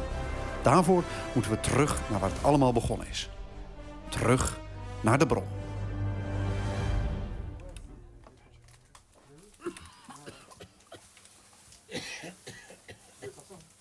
We bevinden ons in de kelders van stripwinkel Henk. Marvel-fan Paul Baners leidt me rond. Het is dinsdagmiddag en alle nieuwe titels zijn net vers binnengekomen. Ben ik je lastiggevallen? Dat mag. Maar trouwens, ehm, waar zit eh, de sectie Marvel? Waar moeten we Dat is naartoe? Marvel. Nou, we zitten nu op de manga-afdeling. En dan moeten we even doorlopen naar achter, naar beneden, naar de kelder. Maar ook iets meer privacy is voor die mensen. En dan komen we eh, hier langs diverse actiefiguurtjes die al met Marvel te maken hebben, maar ook nog wel met andere dingen, ook met tv-series. Hier krijgen we de paperbacks van de afgelopen, nou, laten we zeggen, tien, tien jaar, maar natuurlijk ook de meest recente. Dingen die altijd blijven lopen en altijd in stok zijn. Er wordt ook flink in gekeken, zoals je ziet. En eh, ja, ehm, en dan krijgen we hier de, de nieuwe paperbacks. Die staan dus eh, met, de, met, de open, met open voorkant. Eh, hè, met, de, met de kaf naar voren. Zodat je goed kan zien dat dit nieuw is. Daaronder DC en daaronder komt dan nog wat independents. En de nieuwe comics die staan uiteindelijk allemaal hier. Dat, eh, dat, dat, dat neemt één grote lange rij in beslag. Ik, ik zou dat eigenlijk liever nog wat groter zien. Zodat je iets meer de covers kan zien in plaats van de nietjes de hele tijd. En de grote titel die ik net heb uitgezocht, daar is dit grote pak van op de plank gezet. Dat is de nieuwe eh, grote crossover die op dit moment loopt tot volgend jaar, het vijf- 2015. Het zal ergens in mei stoppen of misschien april. Eh, negen delen van Avengers tegen de X-Men. Hoe, eh, eh, voor de duidelijkheid, hoeveel lopende series zijn er eigenlijk op dit moment? Ongeveer? Het valt wel mee. Op dit moment schat ik een stuk of 40. Schat ik op dit moment. Dat valt wel mee. Dat valt wel mee. Ja, Marvel is wel eens, eh, heeft wel eens meer titels gehad. Ze zijn een beetje ingekrompen, lijkt het wel. Dat heeft waarschijnlijk ook. en ze komen natuurlijk ook wel met een hoop nieuwe dingen. Dus ze hebben de laatste tijd een hoop dingen vervangen. En dan komen ze met een hoop nieuwe, nieuwe, eh, nieuwe verhalen terug. Waaronder de vrouwelijke Thor zat daartussen. Rocket Raccoon vanwege het succes van Guardians of the Galaxy. En, en Deadpool, die, eh, waarvan ze vreemd genoeg nog steeds geen echte bijzondere film gemaakt hebben. Alleen maar guest appearances. Die is ook eh, bijzonder populair. Spider-Man. 40 verschillende titels en een eindeloze hoeveelheid superhelden. Waar komt Marvel vandaan? Hoe ziet het Marvel-universum eruit? Ik vraag het aan Spider-Man-fan en Marvel-kenner Michael Minnebo. Nou, dat hangt een beetje vanaf waar je wil beginnen. Het Marvel-universum is begonnen in 1961. Schrijver Stan Lee en eh, een paar stripmakers, onder andere Jack Kirby en eh, Steve Ditko en eh, Bill Everett en John Romita Sr. Die zijn daarmee begonnen. Dus men had behoefte aan een nieuw soort superheld. En Stan Lee heeft die bedacht samen met die stripmakers. En dat is de held die feilbaar is, die problemen heeft, die met zichzelf overhoop ligt die innerlijke demonen ook bestrijdt, net zo goed als superschurken. En het mooiste voorbeeld daarvan is Spider-Man eigenlijk. De everyman, de tiener, die eh, ja, een beetje het lulletje van de klas is, eh, wel slim is, eh, moeilijk het meisje kan krijgen... en die door zijn eigen schuld eigenlijk mede zijn oom verliest... Hij laat een, een inbreker of een misdadiger laat hij gaan. En een paar weken later breekt die misdadiger in bij hun thuis en vermoordt zijn oom. En dan heeft hij al zijn superkrachten. Hij heeft superkrachten gekregen door gebeten te worden door een radioactieve spin. Had hij dus eerder die schurk tegengehouden, dan was die oom niet vermoord. Dus oorzaak-gevolg. Dus er is een zware last op zijn schouder om, eh, ja, hoe zeg je dat? Ja, hij is mede verantwoordelijk voor die dood van zijn oom, zeg maar. Dus dat is natuurlijk heel veel feilbaarder dan bijvoorbeeld een superman die uit, uit de hemel valt en van een verre planeet komt en hele superkrachten heeft en ja, dan maar mensen redt. En Marvel gaf dat echt, die maakte stripfiguren met een hartslag. Zoals jij en ik bijna. Maar dan hebben ze nog superkrachten. En die zijn vaak meer een vloek dan een zegen. Daar is het mee begonnen. Eh, die strips werden heel populair in, eh, de- op, op universiteiten. Kwamen ze snel achter, want ze dachten strips zijn voor kids. En ook eh, eh, tieners en twintigers begonnen dat te lezen. Dus de verhalen konden ook complexer worden. Iron Man faces a towering giant who is almost twice his size, wearing armor especially equipped to destroy him. Wie zorgt ervoor dat dat universum nog enigszins logisch in elkaar steekt? Dat is een goede vraag en dat is een ingewikkelde kwestie eigenlijk. Vroeger had je de editor-in-chief, dat was Stan Lee in het begin. Die is later publisher geworden en toen kwamen er andere editors-in-chiefs, oftewel hoofdredacteuren. Uh, hoe ze werken is, um, je hebt één grote hoofdredacteur die overziet uh, Marvel, zeg maar. Maar elke groep boeken heeft zijn eigen redacteur die daarop zit. Dus alle X-Men-titels heeft een redacteur. Alle Spider-Man-titels hebben een redacteur. Uh, en alle titels hebben ook weer individuele schrijvers die dus de deeltjes bedenken. Maar ze werken natuurlijk nauwgezet samen en die redacteuren houden zo goed mogelijk in de gaten hoe dat zit. Uh, bijvoorbeeld als uh, deze week Dr. Doom de wereld onveilig maakt in de Fantastic Four, kan hij dat misschien niet doen in The Avengers. Dus dat moet gecoördineerd worden. En toen ze begonnen met Marvel Comics hadden ze maar 8 à 10 titels. Dat was aardig te overzien. Maar dat is dus steeds ingewikkelder uh, geworden. En wat nog veel ingewikkelder is, hoe hou je alle verhaallijnen bij uh, die gebeurd zijn in het leven van één personage? Uh, Spider-Man is geboren in 1962. Tenminste, toen is het eerste verhaal verschenen. En tot halverwege de jaren 90 is hij langzaam ouder geworden. Kuifje wordt nooit meer ouder. Suske en Wiske worden niet echt ouder. Hè? Dus zijn, de Europese helden blijven hetzelfde. Rick Ringers wordt niet ouder, maar de superhelden worden wel langzaam ouder. Uh, en Spider-Man is dus van tiener op de middelbare school is gaan studeren. Is op een gegeven moment getrouwd geraakt met Mary Jane Watson. Wie zou dat niet willen? Het is een knappe vrouw, fotomodel en ze staat haar mannetje. Win-win zou ik zeggen. En toen opeens zeiden ze bij Marvel: wacht eventjes. Uh, dat, huwelijk dat duurt nu al twintig jaar. Dat loopt uh, niet heel erg lekker meer. We konden geen verhalen meer bedenken. Dus uh, in, in 2007, eind 2007, begin 2008 hebben ze besloten dat huwelijk, daar moeten we vanaf. Maar je kan Spider-Man niet laten scheiden, kennelijk. Want dat is tegen de christelijke moraal. Dat vinden de Amerikanen niet leuk. Dat geeft een slecht voorbeeld voor de jeugd. Toen hebben ze bedacht dat uh, de tante van Spider-Man, uh, wat zijn alternatieve moeder is, zeg maar, zijn surrogaatmoeder, die raakte dodelijk gewond en niemand kon haar redden. Toen kwam de duivel op de proppen, Mephisto, dat is de duivel uit het Marvel-universum, die zegt: Ik heb een deal voor je. Ik ga ervoor zorgen dat je tante hè, uh, overleeft, maar ik wil jullie huwelijk hebben. De liefde tussen Peter Parker en Mary Jane Watson was een pure liefde. Het klinkt een beetje soapy, maar dat zijn die verhalen ook. En toen hebben ze die deal gesloten met de duivel. De reboot zit hem hierin dat Peter Parker eh, op een gegeven moment weer wakker wordt in het huis van zijn tante. Dat huwelijk heeft dus nooit plaatsgevonden, eigenlijk, op een bepaalde manier. En ze werden nog niet uitgelegd hoe dat precies. Weet je, het wordt een soort uh, knip met de vingers en de wereld is anders. En ze hadden opeens een jongere Peter Parker waar ze weer allerlei nieuwe verhalen mee konden bedenken. Tot chagrijn van de lezers die uh, dat huwelijk hebben meegemaakt. In 1987 is Peter Parker getrouwd. Ik heb die strip gelezen toen ik tien was. Ik was daarbij, zeg maar. En nu vertel je me twintig jaar later... It never happened. Weet je wel, dus dat, dat, dat, dat geeft heel veel woede bij de fans. Incredible! A fly the size of a battleship. That flying menace has to be stopped. Wat maakt het eigenlijk uit? Je hebt het toch al over mensen die kunnen vliegen en in de ruimte kunnen ademen en treinen op kunnen tillen. Wat maakt het dan uit dat ze dan ook nog eens een keertje opeens van de een op de andere dag totaal anders zijn? Nou, dat maakt heel veel uit. Uh, kijk, dit superhelden-aspect is een belangrijk aspect van die verhalen. De gevechten die plaatsvinden, de actie. Maar eigenlijk is dat niet de kern van de verhalen. De kern van de verhalen is... Uh, Peter Parker probeert een date te krijgen, probeert zijn baan te houden. Tony Stark heeft een alcoholprobleem. Die vecht eigenlijk tegen de fles. Captain America is een held die niet. Die is een anachronistische held. Die is groot geworden tijdens de Tweede Wereldoorlog. En in de jaren 60 is hij ontdooid. Uh, na jaren. Dus hoe past hij in, in dat tijdsbeeld? En dat maakt ze heel menselijk. En uh, wij houden van menselijke personages en helden die, uh, die flawed zijn, die, waar iets mis mee is. Zoals jij en ik. Wij hebben allemaal wel dingen waar we het niet mee eens zijn. Waar onze karaktereigenschappen. Of, en daarom leef je met ze mee. En daarom is dat belangrijk. Als je vrienden opeens anders blijken te zijn dan dat je dacht dat ze waren. En dan heb ik het niet over Facebook-vrienden, maar mensen die je wat langer kent en echt kent, zeg maar.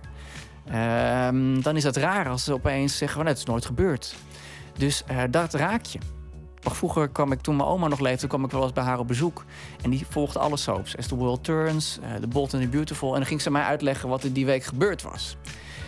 ah, het interesseerde me natuurlijk niet zo heel veel. En ik wist niet wie al die personages waren. Maar als ik nu aan jou zou moeten uitleggen wat er gebeurd is in het Marvel-universum, denk je. eh, dit, is hetzelfde als een soap, weet je wel. Dus ja, dat, dat, ja ik, eigenlijk is het gewoon een soap. En dat maakt het ook heel erg boeiend. Eh, het is een soap met mannen in lange ondergoed en vrouwen in, in korte rokjes soms... die eh, wel met elkaar op de vuist gaan, maar het gaat over meer dan dat. Eigenlijk gaat het over hoe het met ons gaat als mensen in de wereld. Dat is eigenlijk de kern van die verhalen. En dat maakt het boeiend. Het is een spiegel.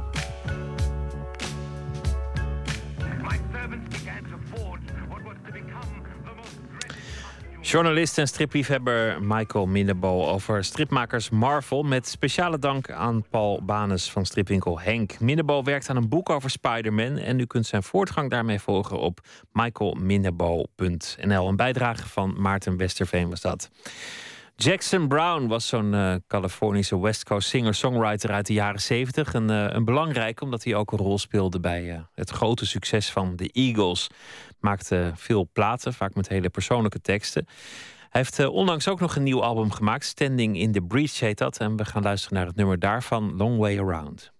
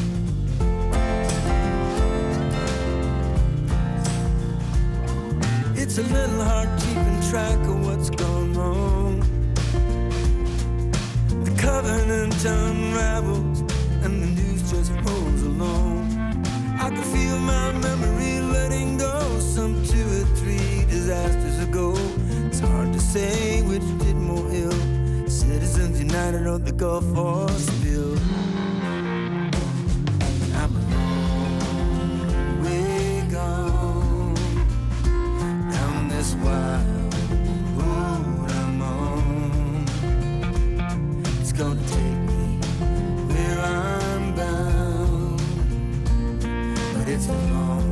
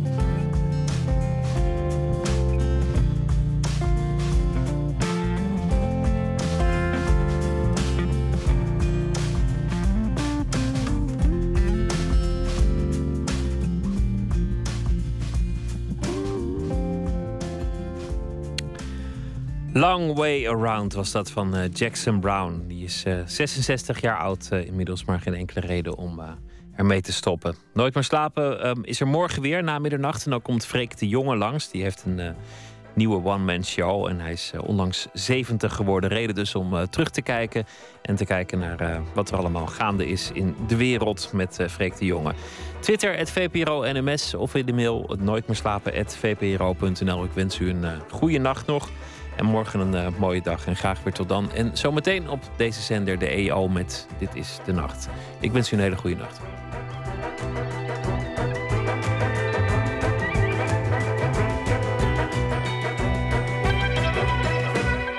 Op Radio 1, het nieuws van alle kanten.